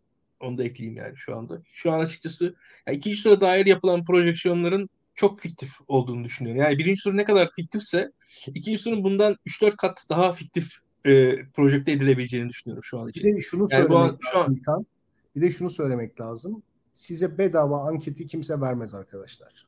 Yani size birisi bedava anket veriyorsa anket sonuçlarını bedava hiçbir maliyet ödemeden öğrenebiliyorsanız o anket muhtemelen sizi manipüle etmeye çalışıyordur. Aynen Çünkü öyle. bunlar çok maliyetli işler. En az 500 bin lira doğru düzgün evet. bir anket maliyeti. Evet. Yani o yüzden biz açıklamıyoruz. yani çünkü abone... Ama açıklamıyor tabii. E yani, yani işler böyle doğru düzgün anket bulabilmek için. Çok uğraşıyoruz. Evet. Ya parasını vermediğiniz ankete güvenmeyin derler anket e, firma sahipleri evet. aslında. Emre Erdoğan'ın lafıdır bu. Infakto'nun sahibi. Tabii, tabii. Ali Çarkoğlu da böyle söyler. Ee, son olarak ben bir iki şey, biz bir saati biraz geçtik ama ekle, yani önemli iki grafik pardon, var. İlkan, ben İlkan'ın sözünü kestim. Adam sözünü bitirsin ya. Yok. Ha pardon. Yok. Dalgan dalgan. Diyeceğim bu kadar. Devam etsin. Zaten Gürhan ben zaten bu kadar söyleyeceğim. soru orada şey yapacağım. Ben, ben, ben onun diyeceklerini bekliyorum. Ben İlkan'ın söyledikleri çok mantıklı. Bence tamamla ben tam şey yaparım eklerim. Fiktiflik Ya, meselesine çok haklısın. Aha, Yani şöyle bir şey var. Ee, yani belli bir pi- yani bu zaten bir yandan şöyle bir, bir çerçeve kuruyorsunuz siz. Şu an kurulan çerçeve aslında birinci tur için kurulmuş bir çerçeve. Şu anda siz ikinci tur için daha öncesinde hiçbir yaşanmamış bir ikinci tur için e, kurduğunuz çerçevenin aslında yani e, şöyle söyleyeyim çok daha e, ne diyelim e, hani İngilizce'de hani grain of salt'la alın derler ya bunları yani biraz öyle bakmak lazım. Hatta do- doğru soru anket bile olsa yani ikinci tur ikinci tur için şu andan yapılan anketleri ben bayağı e, açıkçası e, ne diyeyim dikkatle izliyorum öyle söyleyeyim. Çünkü ilk tur anketleri gerçekten hani bildiğimiz e, sonuçta metodolojilerle yapılmışlarsa bildiğimiz e, anketler kadar e, güvenilir anketlerdir. Ama ikinci tur anketlerinin hakkında birazcık daha e, emin olmak lazım. Yani ben emin değilim en azından onu söyleyeyim. Çünkü bir defa biz bir ikinci turu yaşayalım Türkiye olarak. O tecrübeyi de hani anketçiler de görsünler ikinci tur nasıl bir şeydir. Yani o ikinci turun yaşanmışlığını görsünler. Ona göre bu anketlerinin doğruluklarını, eksikliklerini görsünler. Ondan sonra gelecek seçimlerde o ikinci tur anketleri daha iyi yapar anketçiler diye düşünüyorum ben. Çünkü daha önce hiç yaşanmamış bir şeyi ölçüyoruz biz şu anda. Yani hani biraz e, burada şey yapmak lazım. Sonuçta bir e, simülasyon yapıyorsunuz siz. Daha önceki verileri alıyorsunuz. Ona göre işte bu halkı hangi topluluk temsil eder diyorsunuz. Doğru. O soruların nasıl sorulduğu da önemli. Ya orada açıkçası ikinci soru için yapılan e, yaklaşımlara ben birazcık daha dikkat etmek lazım. Çok güvenmemek lazım diye bu kadar söyleyeyim sadece. Ya gönül ister ki senin dediğin gibi ikinci turu yaşamayız sonrası içinde bize Ya, tabii, tecrübe tabii. olmaz ama tabii yaşadığımız senaryoda da dediğin gibi hiç yaşanmamış bir senaryo üzerinden ki Türkiye'de bir saatte algıların çok değişebileceğini de düşündüğümüz bir senaryoda bu seçimden sonra meclisin de e, koltukların belli olduğu senaryoda ne olacağını bilmek Bu arada-. Elit, elit e, koalisyonları şöyle- da dağılabiliyor o arada. Elit koalisyonları var ya şimdi. Tabii. Gazeteciler, Yani- akademisyenler, partilerdeki profesyoneller, siyasi partiler arasındaki ilişkiler. Şimdi bunlar da dağılabilir değişen duruma göre. Anlatabiliyor muyum? Yani şimdi Ya- mesela Hatta Hı hı. Pırıl mesela ben de şöyle gittim. Mesela ikinci tura yakın bir şeyi İstanbul seçimlerinde yaşadık. Yani 23 Haziran'da. E, orada 23 Haziran olayında da biz mesela tam anlamıyla çok kişi beklemiyordu o kadar farkı açıkçası. Ya ben de beklemiyordum. Yani, veyahut da bu, ya bazı bulan anket firmaları bile açıklayamadılar sonuçta. Yani e, insanlar çünkü yani daha önce yaşanmamış bir şeydi. Şu an muhtemelen daha güvenli kendi sonuçlarını açıklayacaktır firmalar belki de ama o zaman yani ya sonuçta iki ay geçmiş. Bu kadar değişim olur mu? Yani oluyormuş. Yani olabiliyormuş yani aslında. E, ve de e, bilmediğimiz şeyler var. Gerçekten bu iş e, her şeyin bilindiği bir e, düzlemde çalışmıyoruz. Onu görmek lazım. Yani şu an aslında da hani doğruya doğru bilim böyle e, çok sabitler üzerinde gitmiyor. Hakikaten belli spekülasyonlar yapmanız lazım. Bunları bir metodolojiyle yapmanız lazım. Bunları test etmeniz lazım.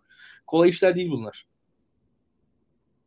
Yani dediğin gibi şeyi Nezih başka bir yayında daha önce katıldığı yayınlarda bahsetmişti. İstanbul'un ikinci turları evet yani seçim katılımının artması belki oradaki bir mağduriyetle açıklanabilir ama o da bu durumdan tamamen farklı. Ona bakarak da bir analiz yapmak da mümkün değil. Çünkü oradaki durumla buradaki durumda farklı olacak seçim ikinci tura kaldığında diye düşünüyorum. Bilmiyorum katılır mısınız?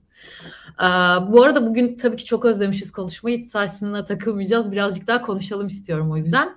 Ee, Nezi orada Güran Çiftçi'nin de sana bir sorusu olmuş. Sen de bahsetmeyi düşünüyordun zaten bundan ama hani bu hem meclis seçimi hem cumhurbaşkanı seçiminin dışında YSK'da çok önemli seçim güvenliği konuştuğumuz konulardan biri. Ama seçim güvenliğine gelmeden de bir seçmen sayısı olayımız var. Yani TÜİK'teki verilerle sen mikrofon kapalı ama. TÜİK'teki verilerle YSK'nın verileri farklı. Meclis Bunu- çoğunluk senaryo, senaryolarını konuşsak olur mu? Ben Tabii ondan sonra buna da ama cevap verirsen çok mutlu oluruz tabii. Tamam okey. Ee, şey Mert onu koyabileceğim mi acaba ekrana? Birinci tabloyu aynen. Yok o değil. Heh. Şimdi burada e, Cumhur İttifakı ve Millet İttifakı'nın artık ortak liste yapma zorunluluğundan bahsetmiştik. Eğer ki ittifakların avantajlarından faydalanmak istiyorlarsa. Çünkü ittifak bazlı e, sandalye hesaplama sistemini ortadan kaldırdı yeni seçim yasası 2022'de. E, bu yeni seçim yasası sayesinde Cumhur İttifakı en az artı 18 milletvekili e, ekledi kendi listelerine. Bu avantajla seçime başlıyor. Ve zaten DOM sistemi küçük illerde e, küçük illeri kayırıyor temsil olarak Türkiye'deki seçim sistemi. Mesela işte Bayburt'ta 50 bin kişi bir vekil çıkarabilirken İstanbul'da 100 bin kişi klasik örnek Bayburt'ta vekil sayısı değişmiş olabilir. E, ve taşra illerinde bu küçük az nüfuslu illerde AK Parti'nin hakim olduğunu biliyoruz. İlkan'ın da anlattığı gibi 60'ı aşkın sayıdaki ilde de AK Parti'nin birinci olduğunu ve don sisteminin birinci sıradaki partiyi kayırdığını biliyoruz. Dolayısıyla zaten hali hazırda e, Cumhur yani eğer ki bu seçim yasası değişmeseydi bile ittifaklı halde bile e, Cumhur İttifakı %47-48'de dahi e, Millet İttifakı'nın ittifaklardaki avantajına rağmen yüz, meclisin %50'sini kazanabiliyordu. Yani 47-48'de bunu kazanabiliyordu. Şimdi daha avantajlı bir yere geldi ve Cumhur İttifakı kritik illerde eğer tek liste yaparsa, altılı masa ise yapamazsa sadece %41 ile Cumhur İttifakı meclisinin %50'sini kazanıyor. Bu birinci senaryo. İkinci senaryo her parti kendi listesiyle girerse yani Cumhur İttifakı da tek liste yapamazsa bu sefer %43 ile kazanıyor. 2 puan da artıyor bu eşik. Eğer ki Cumhur İttifakı tek e, Temel Karamollaoğlu'nun önerdiği gibi CHP, İyi Parti ayrı, Saadet Genç, e, Gelecek Partisi ve DEVA ayrı listelerde girerse Cumhur İttifakı'nın eşiği %44'e yükseliyor. Eğer ki Cumhur İttifakı tek, altılı masa da tek liste yapabilirse bu sefer 45.5'a çıkıyor. Yani Cumhur İttifakı karşısına dağınık bir rakip bulursa %41 ile bile meclis çoğunluğunu kazanabilirken e, rakibi ise Cumhur İttifakı'nın meclis kazanma e, eşiğini ancak %45.5'e taşıyabiliyor. Çünkü sistem Cumhur İttifakı'nı kayırıyor. Yani demek oluyor ki bir bu Cumhur İttifakı e, altılı her şeyi en doğru şekilde yapsa bile Cumhur İttifakı %45-46'yı yakaladığında ki yakalayabilir e, meclisi kazanabiliyor. Meclisi kazanmak demek ikinci turda da avantajlı girmek demek. E, şimdi bizim ilk tur anketlerimizde de e, Ulaş Tol ve Mehmet Ali Çalışkan, Boşan Çakır'la olan yayınlarında açıkladılar. E, Kemal Kılıçdaroğlu ve Tayyip Erdoğan oyu birbirlerine yakın 40-45 arasında. Muharrem İnce ise e, çift taneye yakın yani çift tanelerde oy var.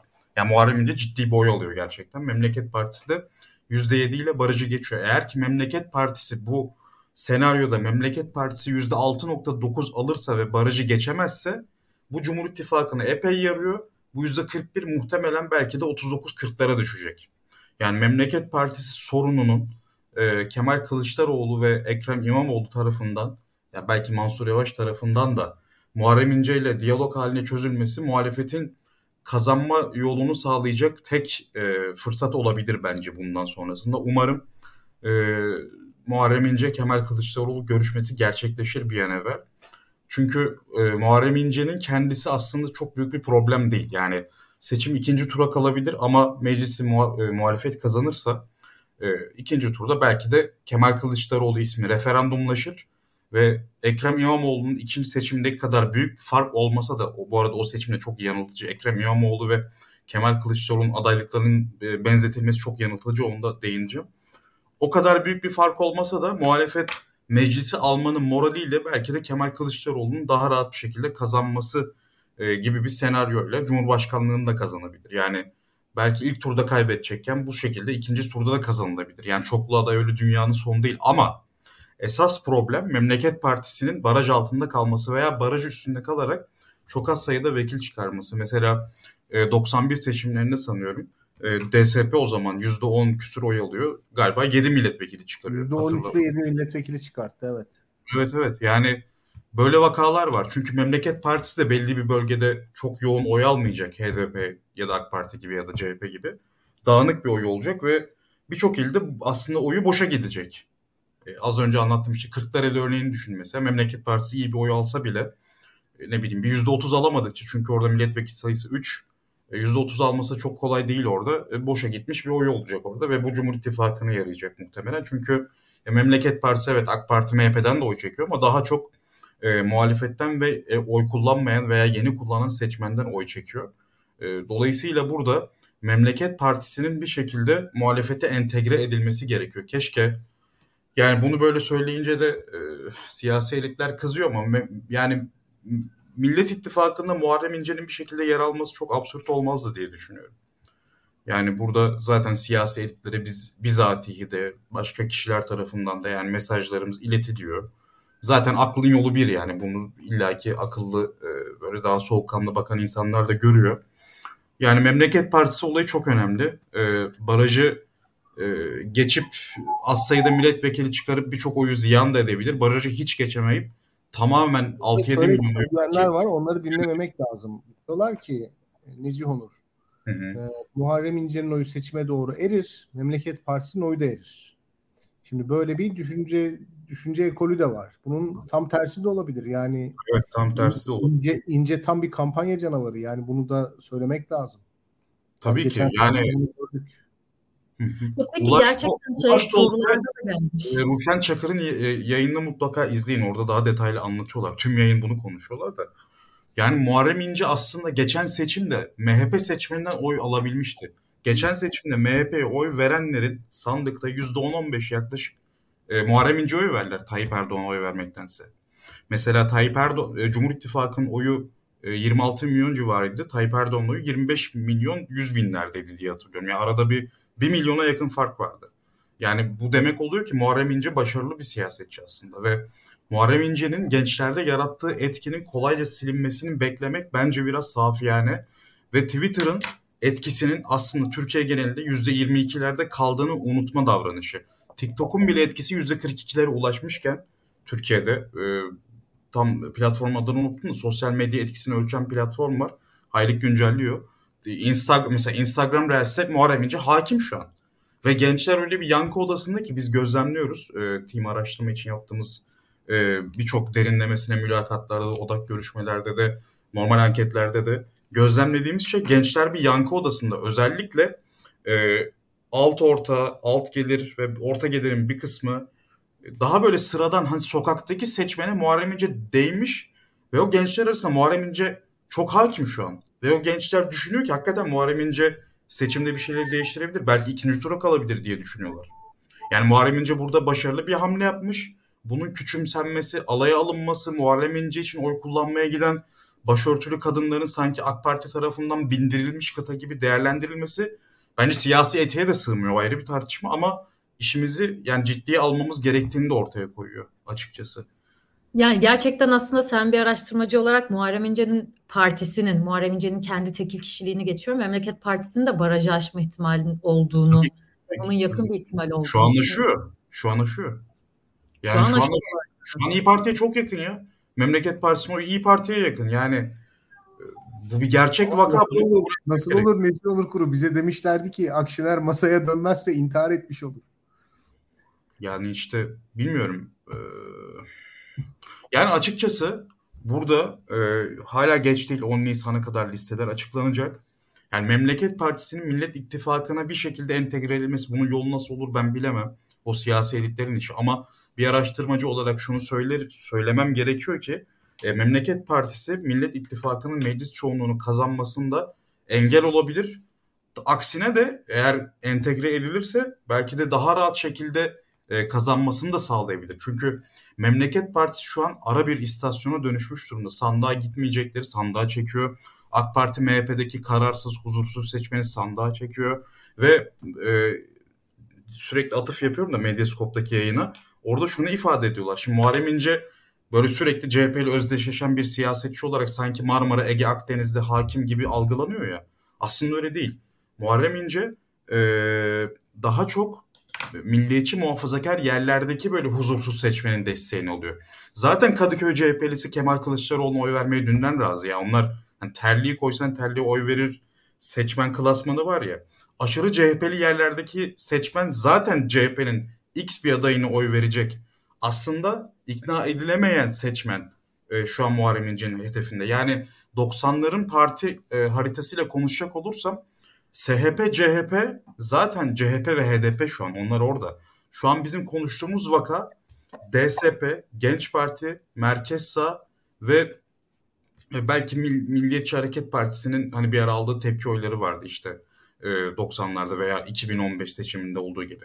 Yani buradaki merkez ve merkez sağ, merkez soldan DSP, işte dediğim gibi merkez sağ, Genç Parti ve MHP'nin bir kısmı e, burayı kapsayan aslında İyi Parti'nin de beslendiği fakat İyi Parti'nin alanına daha geniş olan, daha merkezde yer alan, illaki milliyetçi olmayan seçmenleri alabilen sentrist, merkezci ve popülist ama teknokratik bir popülizm var burada. Yani ben Macron'um diyor ya Muharrem İnce. O boş bir söylem değil. Çünkü Muharrem İnce bir öğretmen edasıyla gençlere şunu anlatıyor. Ben size bilimi, teknolojiyi getireceğim diyor.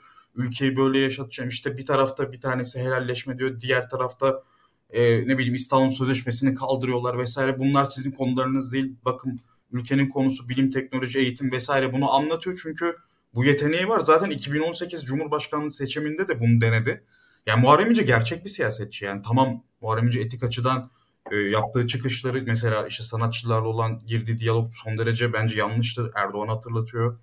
E, 2018 seçimlerinden sonra e, sandık güvenliği konusunda bence o da sınavı geçemedi. Belki partisiyle birlikte geçemedi ama yani Muharrem İnce vakasının gerçek olduğunu kesinlikle dikkate almak gerekiyor. Eğer siyasete hakikat yani burada etik anlamda söylemiyorum. Gerçeklik e, gerçekliği izlemeye çalışıyorsunuz sosyal alanda, siyasal alanda.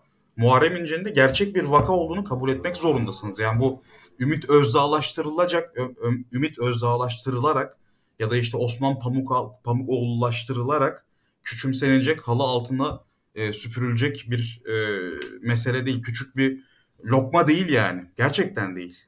Yani burada da şeyde de yazmışlar gerçi de seçimden sonra bu seçim gerçekten büyük bir case olacak. Ya TikTok'taki like'ların ya da reshare'lerin gerçekten oy verme motivasyonuna etkisi olacak mı? Şu anda gaz pedal yapmayı seven seçmen, genç seçmen ailelerinde baskılarından sonra Muharrem İnce'ye verecek bir şey olacak mı? Hepimiz seçimden sonra göreceğiz. Bu stereotipleştirme mesele. Yani Muharrem İnce seçmeni bu değil ki.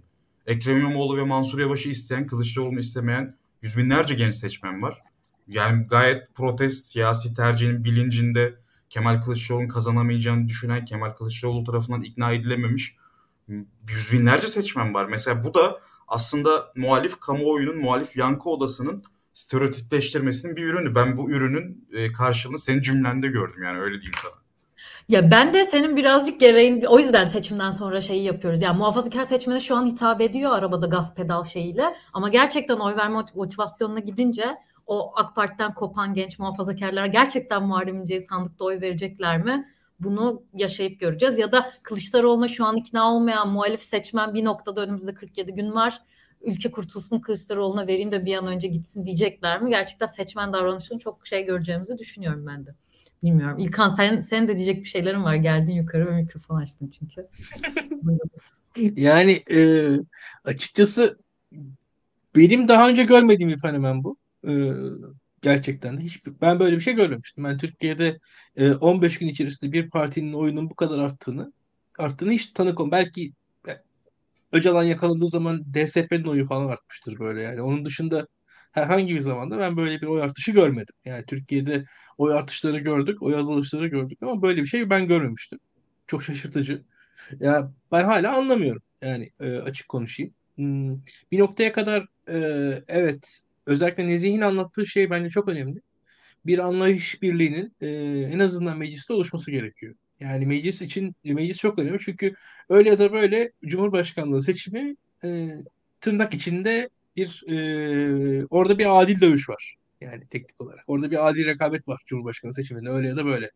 Ancak meclis seçiminde e, işler kolay değil. Muhalefet öyle e, muhalefet eli bağlı bir şekilde o, o, o ringe çıkıyor diye düşünüyorum. E, muhalefetin zaten bir eli bağlı şekilde çıktığı ringde e, bir yandan da e, bir partinin baraj altında kalması riskini taşımaması gerektiği kanaatindeyim. Bunun bir şekilde çözülmesi gerektiğini düşünüyorum. E, bu, bu çok büyük risk. E, %5-6 oy almış bir parti. E, bizim de Türkiye'nin geçmişinde bir genç parti tecrübesi de var. Yani e, aslında genç parti hikayesiyle belki e, bu ince hareketi bir açıdan benzeştirilebilir. E, benzer demografilere bence hitap da ediyorlar. E, açıkçası çıkışları farklı ama e, neticede de sonuç itibariyle Genç Parti, DYP ve e, MHP'yi baraj altında bıraktı ve bir şekilde e, Türkiye parlamentosunun yapısını değiştirdi. Şu anda da Memleket Partisi'nin parlamentoya öyle bir etkisi olabilir. O gözüküyor. E, Cumhurbaşkanı seçilmesi konusunda yani neticede insanlar evet e, yani orada bir iki turlu seçim var. E, bir, bir noktada en sonunda zaten millet karar verecek. E, dört tane adayımız var. Sinan Oğan var. Yani bugün Muharrem İnce adaylıktan çekilse belki Sinan Oğan'ın oyları artar diyenler de var o açıdan. Yani e, tam orası iyice tartışmalı hale geldi. Ben çok zannetmiyorum Sinan'ın oy, oyun artacağını ama açık o konuda çok Sinan'ın ben potansiyel olduğunu düşünmeyenlerden bir tanesiyim. Ee, yani bence yani incenin çekilmesi yeterli olur yani. Benim kanaatime göre onu yani da söyleyeyim. Ince, o açıdan aslında bir şans yani. Çok daha far right hareketlere göre diyorlar. Yani tabii, tabii. Çok fazla seçkinlere sıkıştığı ortamlarda gençler daha aşırıcı, daha ekstremist hareketlere yöneliyorlar. İnce daha ana akım bir siyasetçi yani 2018 Cumhurbaşkanı adayı. Hani ısrarla adamı karikatürize etmenin ne anlamı var gerçekten anlamıyorum. İkincisi bir de yani ince analizi yapmak lazım. Yani bu adama oy verenlerin bir seçmen analizini yapalım. Ya belki benim gördüğüm, benim karşılaştığım normal hayatımdaki vakalarda AK Parti seçmenlerinden oy alıyor. Yani bizim eve gelen temizlikçi kadın ve ailesi mesela Melike yıllarca uğraştı bunları muhalif yapabilmek için. Hiç tınmadılar. Bir anda geldiler biz İnce'ye oy vereceğiz diye. Bizim mesela okulumuzdaki mutfakçı kadın. Yani hocam İnce'ye oy ver, versek mi falan diyor. Hafta sonu tıraş olmaya gittim berber. Hani o İnce'ye mi oy versek? Bütün pursaklarda konuşuluyor falan diyorlar. Yani şimdi böyle bir olgu var. Ve bu adam belki de AK Partililerden veyahut seçime gitmeyecek olan insanlardan da oy getiriyor olabilir. Yani böyle harala gürele adama saldırmanın bir anlamı yok. Bir bakalım. Evet. Yani Bakmak şunu da eklemek 90'larda mesela CHP e, kentlilerden oy alırdı. Yani CHP Çankaya'dan oy alırdı mesela ya da Beş, Beşiktaş'ta almıyordu gerçi de. Çankaya'dan oy alırdı. E, DSP mesela Küçükçekmece'den oy alırdı. Yani bir şekilde e, Muharrem İnce aslında CHP'nin e, inemediği daha alt gelir gruplarına daha gündelik e, yaşam kaygılarını dert edinmiş insanlara inebiliyor. Yani bunu yapabilen Ekrem İmamoğlu ve Mansur Yavaş'tı. O boşluğu şu an Muharrem İnce dolduruyor. Belki burada muhalefet Ekrem İmamoğlu ve Mansur Yavaş'ın görevini daha ön plana çıkararak e, Muharrem İnce'ye giden oyların bir kısmını geri alabilir. Bunu yapabilir ama Muharrem İnce'nin e, farklı bir fonksiyonu var. O da şu. CHP'den uzaklaşmış bir profil çiziyor kendine. Diyor ki CHP'de ben hataları gördüm işte. Farklı argümanları var. İşte bana e, haksızlık yapıldı, arkamda durulmadı hikayesi var. HDP'ye yakınlaştı, Atatürkçü çizgiden uzaklaştı hikayesi var. Ki orada da Kürt meselesinde Muharrem İnce'nin yine e, mainstream'e oturttuğu yani ana akıma oturttuğu bir söylemi var. Diyor ki mesela bir taraf ırkçılık yapıyor diyor. Bir taraf Kürdistancılık yapıyor diyor. Biz bunu biz Kürt sorunu çözerek bu işi hallederiz diyor. Biz %90'ın sesiyiz diyor. Mesela %5 ırkçı var diyor, %5 Kürdistancı var diyor. Biz %90'lık Kürt sorunun çözülmesini bekleyen makul insanlarız. Ben bunu çözerim diyor. CHP %5'e sıkışmış, AK Parti diğer 5'e sıkışmış. Ben 90'ın sesiyim diyor. Yani Muharrem İnce siyasal iletişim konusunda başarılı bir siyasetçi. Zaten en popüler siyasetçilerden bir tanesi. Yani seçmenle iletişim konusuna bahsediyorum. Ben e, medya ile diğer siyasilerle diyaloglarında Muharrem İnce'nin son derece eleştiriye açık bir siyasetçi olması gerektiğini düşünüyorum kendi adına. Eğer geleceğini düşünüyorsa doğru hareket edip etmediğini yargılamak benim işim değil ama ben yani şahsi kanaatim e, çok da örnek bir figür değil yani o konuda ama seçmenle iletişim, seçmenle ortak dil kurma konusunda hem geçen seçimde 66 günde %31'e ulaştı. CHP e, en son 2010 2019 büyükşehir e, seçimlerinde bile ülke genelinde %30 alabildi mesela. Ama Muharrem İnce 2018'de %31 almıştı. Yani CHP 11 büyükşehir kazandığı seçimlerde %30'da kalırken Muharrem İnce... İyi Parti desteğiyle tabii. İyi Parti. Evet İyi Parti desteği de vardı. Yani Muharrem İnce'nin seçmenle kurduğu ilişki gerçek ve bu ilişkiyi muhalefetin lehine değerlendirmek gerekiyor. Memleket Partisi'nin bir şekilde muhalif saflarına çekilmesi Aynen ki öyle. bence e, bu yapıldıktan sonra Muharrem İnce de tabii ki eski genel başkanı abim dedi yani geçen abim dedi Kemal Kılıçdaroğlu'na. Ekrem İmamoğlu'na dostum diyor. Mansur Yavaş'la muhtemelen arası iyidir ben bilmiyorum. Ama Ekrem İmamoğlu ile arasının iyi olduğunu biliyoruz. Yani bu projeye de karşı duracak bir isim değil muhtemelen. Yani burada aslında gönlünün alınması gereken bir siyasetçi var. Tabii ki içine girdiği polemikler birçok e, kişide birçok aktörde tepki yarattı haklı olarak. Bu doğal. Muhaliflerin çoğunda tepki yarattı. Çünkü muhalifler artık şuna bakıyor. Yani CHP Genel Başkanı ana muhalefet lideri ana muhalefet lideri olarak aday olabilir. Oldu tamam. Başka isimler konuşuldu ama hadi artık bak bütün e, herkes de tüm masadaki genel başkanlar da Ekrem İmamoğlu Mansur Yavaş zaten genel başkan yardımcısı. Niye Muharrem İnce burada durmuyor? Yani mantıklı olanı birleşelim kazanalım diyor insanlar. E bu da doğal bir refleks. Ama günün sonunda işe teknik bakması gerekenler yani siyaset yorumcuları, analistler eğer e, bir partinin e, yorumlar yapmayacaksa, partiyi böyle ya da o muhalefet blokunu duygusal ve etik şekilde savunmayacaksa, daha hakikati arıyorsa eğer Memleket Partisi'ne özellikle meclis seçimlerinde gerçek bir vaka olarak yaklaşmalı. Oyu yüzde altı olmasın, yedi olmasın, üç olsun, üç bile yani sistemi kitleyebilir. Ya 3 de çok kritik bir rakam ki 3 demek 1,5 milyon oy demek neredeyse. Yani 1,5 milyon e, bir 10 tane ilde mesela e, kritik ilde sonucu Cumhur İttifakı lehine etkileyebilecek bir rakam aslında baktığınızda. Yani dolayısıyla burada ben sosyal medyadaki aşağılayıcı tutumun doğru olmadığını düşünüyorum. Arabada gaz pedal hani az önce stereotipleştirdik ya insanları. Yani bunu mesela daha önce AK Partililere yapıyorduk. Ne bileyim işte bidonlu neydi işte bidon kafalı adam yok göbeğini kaşıyan adamdan geldik. Hülo diyen insanlara geldik. Kılıçdaroğlu sağ olsun bize böyle dememeyi öğretti yani. Hani 2017-2020 arasındaki Kılıçdaroğlu'nun muhalefete öğrettiği yapıcı e, söylem inşası bence önemliydi. Burada Kemal Kılıçdaroğlu'na kesinlikle minnettarız. Allah'tan AK Partilileri küçümsemeyi az çok bıraktı sosyal medya. Şimdi sırada e, Muharrem İnceciler var. Yani Muharrem İnce'nin kendisi değil. Muharrem İncecileri küçümsemek, herhangi bir seçmen grubunu küçümsemek bir fayda getirmiyor muhalefete. X bir seçmen grubunu. Yani bu Hüdapar bile olsa, yeniden refah bile olsa ya ki onlar ya birçok konuda bence dışlanmayı hak ediyorlar. Yani onlar modernite ve medeniyeti reddediyorlar ama yani seçmen matematiğini düşünüyorsak, stratejik hareket etmemiz gerekiyorsa e, bunu yapmamamız gerekiyor. Ayrıca şunu da eklemem gerekiyor. Twitter'da bunu yazmadım ama bunu söylemem gerekiyor. Şimdi 100 bin imza toplama konusu kolay bir mesele değil. İnsanları kalkıp e, o yani kayıtlı bulunduğunuz bölgedeki e, GSK birimine mi gidiyordunuz? Nereye tam hatırlamıyorum. Ya işte bir devlet dairesine gidiyorsunuz, imza atıyorsunuz.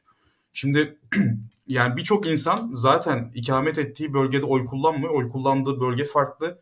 E, Muharrem İnce ile de kurulmuş duygusal bir ilişki yok. Şu an burada bir tepki oyu alıyor aslında Muharrem İnce.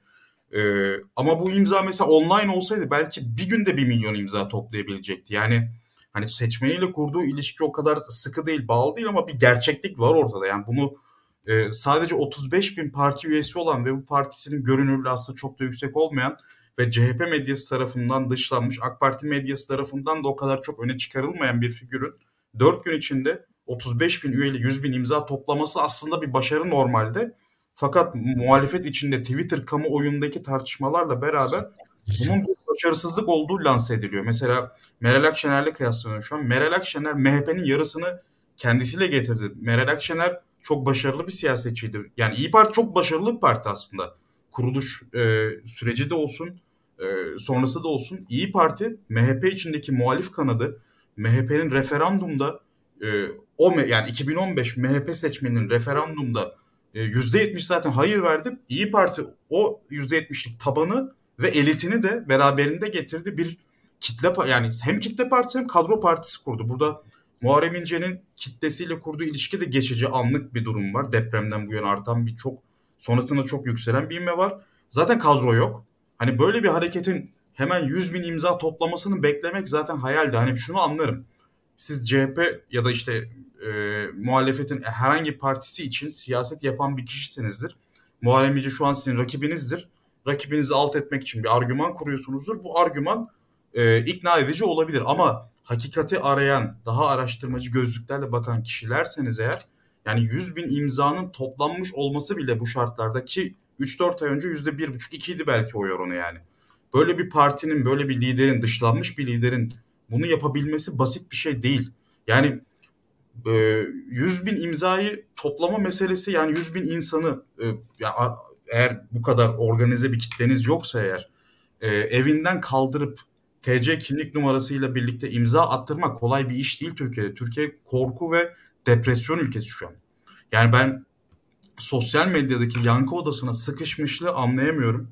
Yani bu zafer sarhoşluğu mu artık e, yani 20 yıldır sonuçta muhalif olan insanlar var. Bunun getirmiş olduğu psikolojik yükler mi bilmiyorum ama bence daha soğukkanlı bakılmalı. Cumhur İttifakı'nın 40-41 ile meclis çoğunluğunu kazanıp seçimi ya dört aday var şu an. Seçim ikinci tura gidiyor aslında. Hani Muharrem İnce çekilir diyoruz ama çekilmeyebilir. Sinan Oğan var. Belki Sinan Muharrem İnce çekilecek ama belki Sinan Oğan yüzünden seçim ikinci tura kalacak. Yani seçim ikinci tura kalacakmış gibi soğukkanlı ve kapsayıcı ve bu kapsayıcılığın içinde Muharrem İncecileri de e, kapsayacak. Yani onları dışlamayacak, onları öteki haline getirmeyecek bir söylem oluşturulması lazım. Yani şimdi mesela ben AK Parti medyasını takip ediyorum. Benim A Haber bildirimlerim açık. İnanın onlar Twitter'daki e, ya da işte CHP medyasında çıkan insanların e, söylemlerini alıp kullanıyorlar. Mesela Kemal Kılıçdaroğlu kesinlikle e, helalleşme söyleminin arkasında duran bir siyasetçi. Ben Kemal Kılıçdaroğlu'nun kapsayıcılığından şüphe etmiyorum. Çoğu CHP'li de onu sürdürmeye çalışıyor ama ya X bir işte CHP'ye yakın olarak addedilen kişi çıkıyor diyor ki işte bizim e, pardon telefon çaldı. Bizim e, hesaplaşacağımız yüz binler var. İşte birisi diyor ki imam hatipler kapatılacak. Ne bileyim sosyal medyada işte incecilere gaz pedal diyenler. In, ya CHP'liler mesela ince konusunda konuşmuyor. Özgür Özel çok kibarca konuştu mesela. Kemal Kılıçdaroğlu da çok kibarca konuştu. Ama CHP destekçileri, CHP medyasında yorum yapan kişiler hani partinin de önüne geçerek, kraldan çok kralcılık moduna geçerek siyasette adım atma alanlarını daraltıyorlar. O manevra alanlarını bizzat seçimin kazanılmasını isteyen aktif şekilde siyasetle ilgilenen kişiler kapatıyor. Yani siyasetçilerin soğukkanlı davranışlarının da etkisini kırıyorlar bu şekilde. Yani artık kim izliyor, kim ediyor bizi bilmiyorum ama yani bunu dikkate almak gerekiyor. Böyle bir vaka var. Böyle bir vakayı soğukkanlılıkla çözmek gerekiyor. Bu insanlar sizin çoğusu sizin seçmeniniz ya da sizin seçmeniniz olan ailelerin çocuklarıydı. Ee, e bunları bir şekilde oyuna dahil etmeniz gerekiyor. Niye dışlıyorsunuz ki yani? Ya bu çocuklar gidip far right yani Burak, Burak Hoca'nın dediği gibi yani ya da İlkan'ın dediği gibi yani gidip böyle sokakta Suriyeli avlayan bir partinin peşinde de gitmiyorlar. İşte bilim, teknoloji, eğlence filan diyen bir adamın peşinde gidiyorlar. Bu çok da anormal de bir şey değil. Hatta sağlıklı bir kanal şimdilik eğer muhalefet bunu kendi lehine çevirebilirse. Ya bence çevirebilir de yani. Neyse çok konuştum ya. Ya, ya evet bol. orada da şey olarak gireceğim yani ben kendi adıma en azından şey yapabilirim. Hayatta hiçbir seçmen kitlesini, hiçbir vatandaş küçümsemem. Arabada gaz pelaz şeyi de küçümsemek anlamında değildi bunları konuşmak, bunlardan bahsetmek de o insanları ötekileştirmek ya da küçümsemek bir şey de değil. Ama bir şekilde senin analiz yaptığın yerde de o tarafta da bir analiz yapılmak oluyor. Evet CHP çok sağduyulu duruyor. Ama giden teklifler var mı? Varsa bunlara ne cevap verildi? Belki de bunların konuşulması gerekiyor. İkinci itirazım da burada Muharrem İnce geçen yayında demiştim. Dört yayındır konuşuyoruz. Bu kadar diskur oluşturuyoruz. Bence biz kendi aramızda yapıyoruz biraz da bunu. Ama şöyle de bakmak gerekiyor. Meclis konuşuyorsak me- Memleket Partisi, senin de dediğin teşkilat olmayan Memleket Partisi ile Muharrem İnce arasındaki bağ ne kadar insanlarda kuruldu ve Muharrem İnce'nindir bu parti diyerek Memleket Partisi'ne gidip yüzde sekiz oy verecekler. Açıkçası bu da benim kafamda çok fazla oturmuyor. O yüzden seçim bekleyip görmek gerekiyor diyorum. Kişi olarak, adam olarak, tek adam olarak evet popülist yani retoriğiyle, konuşmasıyla ya da hitabıyla belki bir şeyleri olabilir ama partisinin neler yapacağını görmek gerekiyor. Ama şu da bir gerçek. Cumhurbaşkanlığı seçiminde de mecliste de muhalefetin birleşmesi gerekiyor. Bunu yapmak için de zaten siyasilerin adım atmasını her şekilde bekliyor Bunlara popülist demiyorlar da popülarist diyorlar. Yani Amerika'da da popülarist dedikleri. Çünkü yani popülizm bir ideolojiye de işaret ettiği için aslında o yok yani baktığınız zaman. Aslında ya gidip geliyor yine. Bazı popülist tarafları da var işte bir araba bir otobüs, bir otobüs bir telefon, işte boğazda viski için. Onlar popülist söylemler biraz. Ee, yani biraz çalıyor ama yani genel itibariyle böyle kurum yıkıcı, kurumlarla hesaplaşan, kurum kurumları bir şekilde halk adına tahrip eden bir söylemi yok. Far right bir söylemi de yok. Yani aşırı sağcı bir söylemi de yok.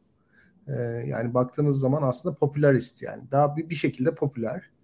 E bir de şöyle bir şey ya bu siyaset İlkan da konuşur biraz. Yani biraz sokakta yapılan bir şey.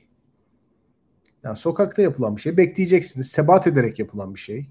Yani İnce'nin 15 gün önce evet oy oranı yoktu. İşte 3 Mart, 6 Mart tepki oyu böyle oldu. Yani biraz beklemek lazım, sabretmek lazım, acele etmemek lazım siyasette. Yani Türkiye çok hareketli bir ülke. Döner ayağınızın ucuna gelir tekrar. Yani yeteri kadar beklerseniz Türkiye'de bir şey olursunuz. Ben öyle düşünüyorum hep. Ee, yani Muharrem İnce bekledi. Yani öyle öyle konuşmak lazım. Ee, bu arada hata üstüne hata yapmış bir siyasetçi. Onu da söyleyelim. Yani 2018'den sonra hata üstüne hata. Yani seçim sonuçlarından hemen sonradan başlayarak aylarca hata üstüne hata yapmış bir siyasetçi. Ama siyasi iddiasını korudu. Yani mesela Kılıçdaroğlu'nun adaylığından hemen sonra adaylığını açıklamadı aslında. İki senedir ben adayım diyor Muharrem İnce. İki senedir partisi var. Bir, bir işte Atatürkçü bir noktayı temsil ediyor aslında baktığınız zaman. Ee, yani biz daha önce bu programlarda konuştuk İlkan'la. Yani Muharrem İnce meselesini hatta 2020 senesindeki programda konuşmuşuz. İlkan Ayşe Çavdar bizim konuğumuzmuş. Demişiz ki e, CHP bir şekilde Muharrem İnce'yi entegre etmeliydi kendi içine. E, yani bu kadar e, dışarıda ince gibi bir aktör bırakılmaz demişiz. Yani 2023 sene önce konuşmuşuz bunu. Ben bunu Kemal Kılıçdaroğlu'nun yüzüne de söyledim bu arada. Gerçek gündem toplantısında işte yazarları davet ettiler. Kemal Bey de sağ olsun nezaketle dinledi.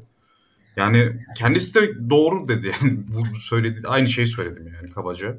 Görüşülmesi gerektiğini söyledi. Merak etmeyin görüşeceğiz dedi. Umarım yani ben görüşeceğini düşünüyorum. Ee, yani ümidim bu yönde. Muharrem İnce'nin de muhalefet için yapıcı bir e, rol oynayacağını düşünüyorum. Çünkü yani bu seçim son seçim gibi gözüküyor gerçekten. Yani bundan sonra otoriterliğin iyice kurullaştığı, kurumlaştığı, kurumsallaştığı e, ve daha farklı artık o, o siyasi e, değişimin seçimle değil daha farklı, daha hani adını zikretmekten çekindiğimiz yollarla gerçekleşeceği bir Türkiye'ye doğru ilerleyebiliriz diye endişe Diğer ediyorum. seçimlerden farklı olarak seçimi kaybetmek artık başkan adaylarının kişisel sorunu değil. Yani Ekmelettin İhsanoğlu'nun seçimi kaybetmek kişisel sorunuydu. Muharrem İnce de seçimi kaybetti ve depresyona girdi. Yani şu anda biraz önce bahsettiğim gibi Governing Coalition kurulduğu için muhalefetin belli başlı bütün aktörleri bu projenin içerisine ortak oldular. Yani bu projenin içindeler. Yani seçimin kaybedilmesi Tayyip Erdoğan'ı çok tabii otoriterleştirir ama o otoriterliği sınırlandıracak mekanizmalar da aslında ortadan kalkacak. Yani Türkiye muhalefeti çok destabilize olacak. Çok istikrarsızlaşacak. Yani onu da gündemde tutmak lazım. Aynen öyle. Son olarak Muharrem İnce konusuna ekleyecek bir şeyiniz yoksa senin bir tablon daha vardı Nezi sanırım. Ha. Ben Burada ayrılsam, ben ayrılsam ne dersiniz? Tabii ki sizi çok umutlular. Protestoları sizi bekler. Evet. İyi akşamlar size. Bak bir dakika İyi dur, gitme, bir dakika gitme. Bir dakika Tamam. bir dakika bir dakika. Var? Hangi tablo? tablo bu tablo senin seveceğin bir tablo. Hemen onu hızlıca anlatalım. Ee, şimdi YSK'nın e, fazladan seçmen olayı meselesi var.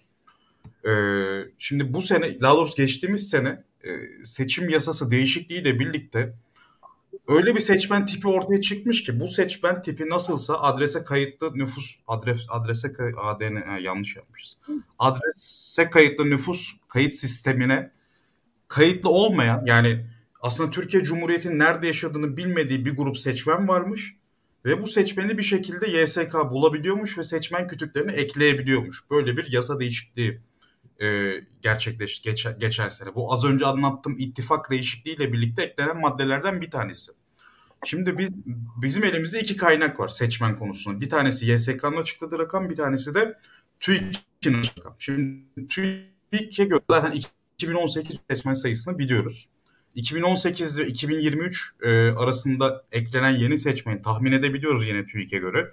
2018'de oy kullanamamış 13-18 yaş arası seçmeni koyuyoruz bunun içine. İlk kez oy verecek vatandaşlık alan yabancı seçmen sayısı Onursal Adagüzel 240 bin kişi oy kullanacak dedi. E, 30 bin kişi de zaten 2018'de oy kullanmıştı bu 240 bin içine. Geriye 210 bin yeni göçmen vatandaş kalıyor. E, 2018-2023 yılları arasında ölen seçmen sayısı yani seçmen yaşına gelip de hayatını kaybetmiş olan kişi sayısı da 2 milyon 290 bin. E, bunları hesapladığımızda yani ara toplamda bizim elimize yaklaşık 60 milyon 400 binlik bir rakam kalıyor. Fakat YSK 60 milyon 900 bin kişinin oy vereceğini söylüyor. Bizim tahminlerimize göre 513 bin nereden geldiği belli olmayan fazladan seçmen görünüyor. Ee, yani burada Onursal Adagüzel'in tweet'i var. O 593 bin kişi olarak hesaplamış bunu ve e, bunların aslında bir şekilde ikametlerden oluştuğunu da e, bu seçmeni kontrol etmek kolay değil. Ayrıca e, bazen şu da oluyor. E, yani adrese dayalı e, nüfus kayıt sistemi e, de aslında belki de doğru saptayamıyor seçmen nüfusunu ve şöyle farklılıklar oluşabilir. Bizim mesela anketlerde çektiğimiz nüfusla yani temsil etmeye e, çalıştığımız nüfusla YSK'nın elindeki nüfus birbirini tutmayabilir ve aslında biz zaten seçime e, geride başlıyor olabiliriz. Böyle bir sorunumuz olabilir. Yani adaylar adaylıktan şundan bundan bağımsız olarak seçime geride başlıyor olabiliriz şu an. Yani Cumhur İttifakı kendi avans yazmış olabilir. Hani böyle mahalle maçlarında olurdu ya. 1-0 2-0 biz, bizim taraf önde başlasın filan gibisinden. Yani böyle bir şeyle karşılaşabiliriz. Buna hazırlıklı olmak gerek. Bu sefer ben CHP'nin dersine çalıştığını görüyorum. Çünkü Onur Sağladı güzel, iyi takip ediyor. Bizim de galiba konuğumuz olacak. Ee, İlkan daha iyi biliyor detayları. Orada da daha farklı sorular da gelebilir. Hani burada tüm partilerin sandık güvenliği ama sandık güvenliğinden de önce seçmenin kim olduğu sorusuyla e, hemhal olması gerekiyor ki yani Türkiye evet şu an fiilen otoriter seçimli otoriter bir ülke ama kağıt üzerinde demokrasi bu kağıt üzerindeki demokrasiyi bari koruyabilelim yani. Evet bunlar olacak. Ben hiç şaşırmıyorum buna. Ya hiç şaşırmıyorum.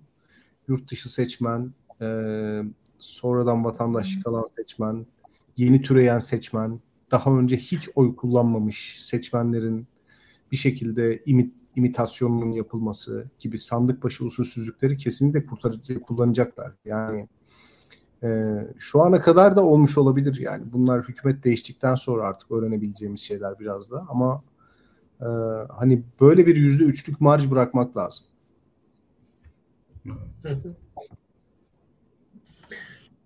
Sen İlkan bir şey demek istersin. Ali, Ali Babacan da aynı cümleleri kurmuştu bu arada.